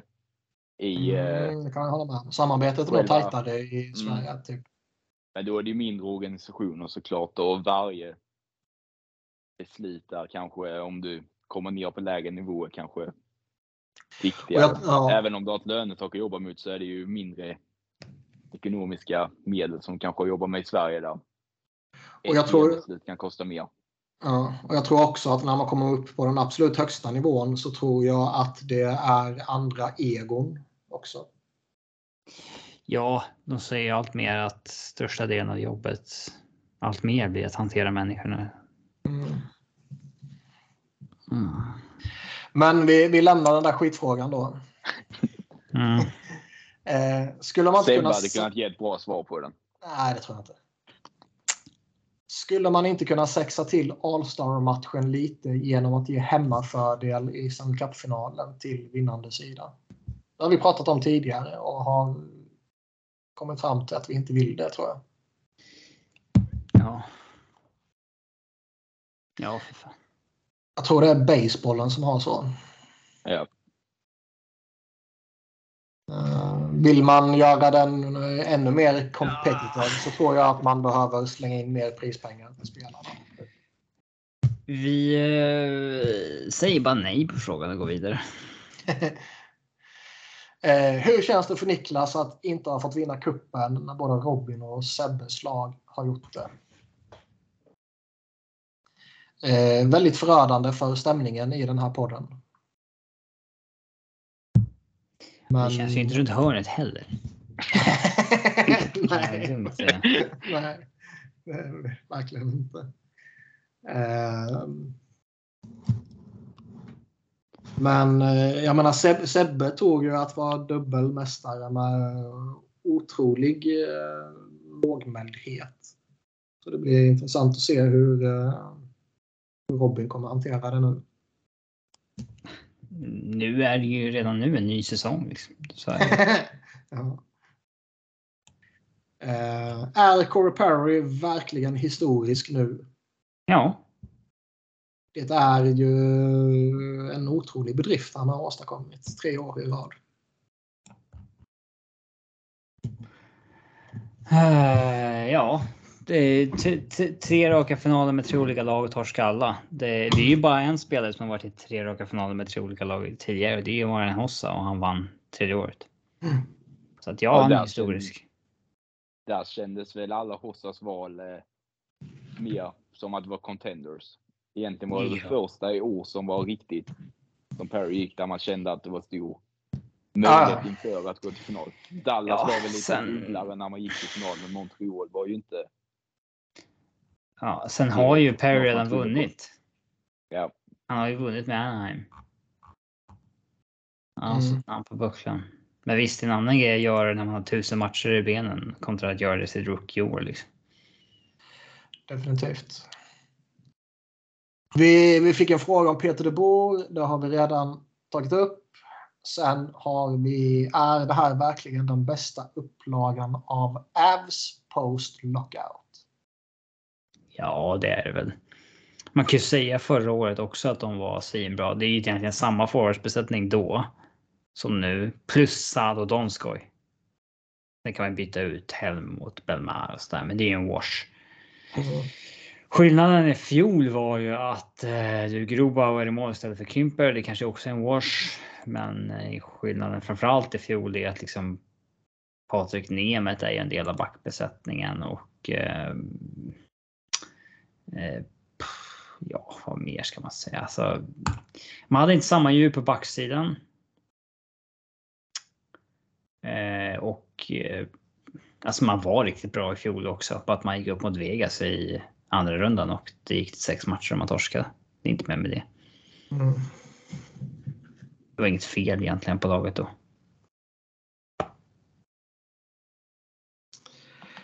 Eh, Queenie Bruins, kommer det bli bäst sämsta tränarvärvningen sedan junior i Flyers? Vad fan menas med bäst sämsta? Eh, oklart, men ändå en väldigt... Det är en mycket dåligt ställd fråga måste jag En eh, väldigt intressant formulering och eh, jag tror jag fattar vad som menas med den, men kan inte riktigt förklara vad som menas med den. Ja, men vad fan är det för konstigt svar från dig då? Att det är den bästa Nej, jag vet inte. Alltså att det är... Ja, de sämsta är den bästa. Jag vet inte. Nu blir jag osäker i och för sig. Mm, då säger vi bara ja. God poäng. Vi håller med. Ska vidare. Vilka kommer ge Nishushin ett alldeles för saftigt kontrakt i sommar? Jag trodde på LA eller New Rangers, men. Uh... Jag tror att Avs ger ett bra, ett rimligt. Ja, alltså det sägs ju att han ändå. De tror att hans camp värderar att han vet att han funkar i Avs. Han vet hur det är att inte funka i ett lag som i Dallas. Mm. Men vad är smärtgränsen? Ja, det måste vara under 6 mille tycker jag. Termen är fine för att han är ändå så pass ung. Han är 27 så att det är inte. Mm. Eller ja, visst, det är ju inte åtta år liksom. Det ska överlag bli intressant att se om Avs liksom signar de här spelarna på liksom eh, långa avtal och trycker ner capen. Alla typ Caps gjorde med TJ Oshie och Kings gjorde med Marian Gaborik. Eller om man alltså om man gör det bara för att trycka ner capen och liksom fuck the future. Vi kör nu. Eller om man drar en linje i sanden och säger att nej, du får inte mer än tre år Nassim Kadri. Liksom det, det går inte. Eh, och eh, låter spelarna gå. Det blir intressant att se.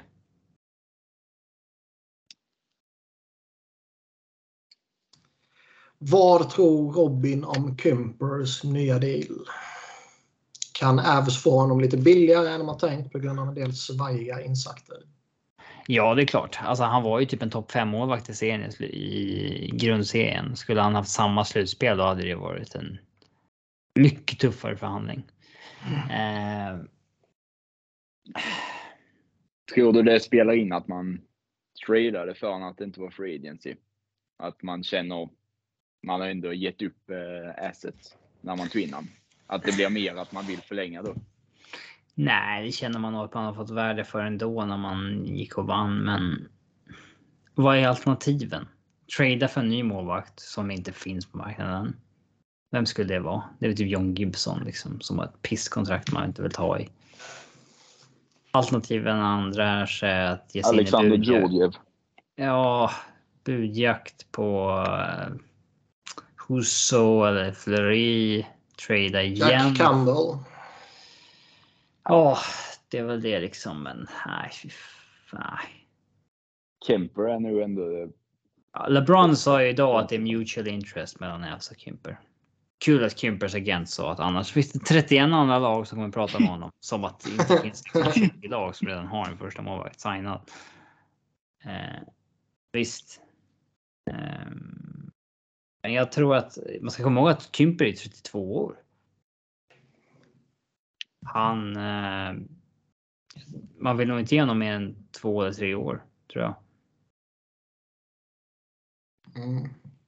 Jag tror inte att man går mm. över fem mille. Det ska bli väldigt intressant som du varit inne på tidigare och, och, och se hur, eh, hur lojala man är mot dem man vann med. Ja, ja visst. Oavsett om det är de här lite äldre veteranerna som du var inne på, Cogliano och Helm, eller om det är lite den här uh, uh, Manson, uh, Kemper, ytterligare någon sån här som är lite, lite yngre, inte liksom en, en gammal veteran så att säga. Är det helt omöjligt att skeppa fransos? Det är ändå två miljoner om man ska vara backup. De signade det nyss, så det tror jag inte är aktuellt. Nej. Alltså, de förlängde det i mars eller någonting. Ja, annars har du ju en miljon man kunde sparat om. Jag blev förvånad när man signade honom, för jag trodde att man skulle gå the route of ha en backup på 800 000 typ. Mm. För att man sparar ja. in pengar. Men eh, ja, det sågs väl som en försäkring för att eh, försäkring för att om Kimber inte blir kvar så har vi ändå en above average backup liksom och, och så där. Men hade han varit så inte skadebenägen hade du trott att man nästan kunde gått in med honom då som etta? Alltså, varje gång det har funnits en chans att ta den här första spaden så har han inte riktigt gjort det. Så att, nej. Men det är absolut en above average två som inte ja. nöjer sig med att spela 15 matcher per säsong tror jag. Och det ska han ju vara med 2 miljoner. Ja. Mm. Som Vegas med Broissois. Nu har ju de istället Logan Thompson på 800 000 i typ tre år. Det är ju en ja. jättebra deal. Han var ju kapabel liksom. Vi har en eh, längre fråga här som jag tror bestod av fyra tweets som är frågan om det nog mest är lite glädjeyttring snarare än en fråga. Men Bednar's Boys vinner och nu ska vi hylla alla dem och oss som var med under de mörka åren. Om man får PTSD av namn som Joe Sacco, Wojtek Wolski, Karl Kominski eller varför inte Robins favorit Nate Ginnan. Då smakar den här vinsten ännu sötare. Grattis Colorado! Patrick Roy-eran räknas fan inte. Den är ett alldeles surrealistiskt kapitel i Abs historia. Ska Sakic och Bednar få varsin doktorsgrad för det här lagbygget. Sakic har över flera år tagit in mängder med Mason Projects och perfekta rollspelare som har blommat ut under Bednar. Hur stora är asteriskerna på Tampas kupper? Är de små, enorma eller obefintliga? Det är inte som att de gör bort sig mot Avs, men det blir ju mer eller mindre utspelade i slutändan. Så vad är själva frågan? Frågan om Tampa i slutändan. eh, frågan är väl eh, rent allmänt bara hur mycket man ska hylla Sakic och Bednar. Typ. Men det har vi gjort rätt mycket tycker jag. Ja. Och så Asterix om Tempa. Ja, och det är väl sagt med lite glimten i ögat antar jag. Men det är väl klart, de har ju inte vunnit någon riktig Max Gurgo. säsong. de har ju inte vunnit någon riktig säsong, om man ska vara så. Nej, så är det väl. Och det är ju mot Dallas och Montreal de har vunnit. Ja. Så visst, man kan väl vara eh, hård på det sättet om man är en hjärtlös jävel som Max. Men de kan ju inte göra mer än att vinna, å andra sidan. De ja, det är lite, det är lite som... 56 matcher, de kan inte hjälpa att covid kommer, de kan inte hjälpa att de fick möta Montreal och Dallas. Alltså, Nej. Vinner man så vinner man. Nej, men typ så. Sen har vi, vem blir coach i Detroit? Fedorov? Frågetecken. Pratade lite om dem Det vore oväntat. Sergej Fedorov eh, har ju gjort lite avtryck i KHL, men... Som GM va? Inte som coach? Nej, han har varit coach också. Han har ju börjat plocka målvakten jättetidigt och fått... Eh, vad heter det? Fått effekt på det flera gånger om och så här. Jag kommer inte ihåg vilket lag det är i nu. Men det är KHL. Gjorde inte Patrik Roy det när han var tränare med? Jo, visst. Var det typ inte så typ sex minuter och sådana grejer? Ja, 10 minuter någon gång när de vunne med Ja. 3-0 och sånt där. Ja. KIK plockade han med 17 minuter kvar match. Konstigt det där, för om man då ska man göra det i 5 mot 5 i så fall. Liksom, nej. Om man redan har PP, då är det liksom inte värt risken att. Nej, För det känns som lagen man spelar emot börjar bli allt smartare. De har fattat det här att du måste inte åka över blå linje eller du måste inte åka över röd linje för att skjuta på tomma målet. Man är tillräckligt bra för att skjuta mot tomma målet vart man än står. Priset som om du missar en icing, det är liksom inte så farligt. Eh. Eh. Vi har någon fråga om uh, Tårtan och Philadelphia och det har vi väl tagit känns det som. Men i vilket lag spelar Kadri i säsongen 22-23 och hur kommer hans kommande kontrakt se ut innan en term cap hit? 87 pinnar på 71 matcher och en cup lär ge klirr i kassan? Frågetecken. Känns det inte som att Philly är en kandidat här? Ja, jo, jag har ju sagt tidigare att jag, jag tror ju om Johnny Hockey är tillgänglig så är det ju han man kommer sikta in sig på. Eftersom Flyers-kopplingen finns där. Eh, Flyers har dock inga pengar. nej, det är ju under förutsättning av det som vi nämnde tidigare. Att man lyckas dumpa JVR och kanske köpa ut Lindblom och sånt här. Och Men- Ellis på LTR. ja, kanske det.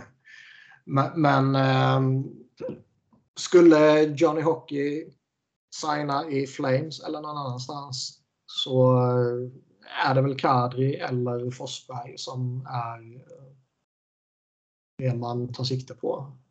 Antar jag. Ja. Alltså det kan vara vad fan som helst med det känns som. Mm. Det var en, nu kommer jag inte heller ihåg vad man hörde eller läste det, men det var ju något snack om att typ Avs pratade om att jo, men vi, eller om det var någon som pratade om Avs att liksom jo men vi ska försöka behålla honom. Ja, LeBron sa idag att Evs Camp har informerat Kalles Camp om att man vill ha ett crack at it i alla fall innan uh, Fredagen öppnar. Mm. Och eh, Kader fick frågan om eh, Avs var hans första val och han sa well how can it not be? Liksom. Eh, men. I, I, I have, I've had a good season and I know my worth typ. Och there's a business side of it bla bla bla och det låt, då låter det ju alltid som att eh, Det låter ju som att han vill testa marknaden. ja, han förstår att han kan inte få ett sjuårskontrakt av Avs på de pengarna liksom. Mm. Det, eh, det kan nog vara pff,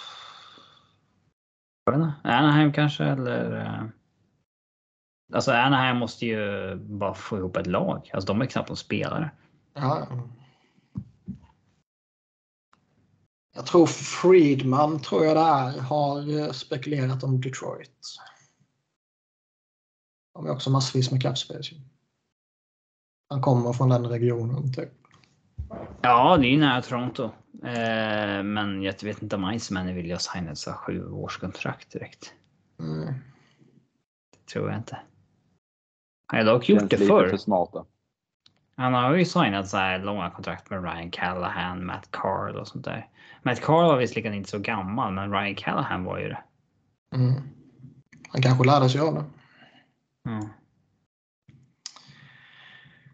Eh, vi har pratat en hel del om Lehkonen. Här här är en fråga om den traden. Och den 10 plus? Frågetecken. Ja, vinner man kuppen så är det väl alltid så. Ja, Eller? Däremot så tycker jag att det är en win-win. Montreal får ju bra värde. Absolut. definitivt. Vi har lite eh, andra frågor om överskattade filmer och Arsenals sommarfönster. Men det, eh, det kan vi hålla på kanske. Ja, visst. Har vi, eh, har vi något mer spontant kring eh, NHL vi vill ta upp? King NHL? Mm. Nej.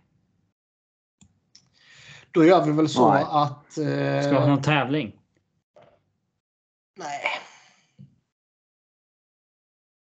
pallar inte med det nu.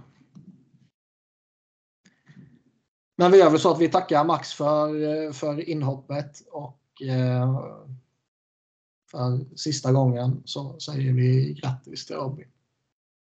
Ja,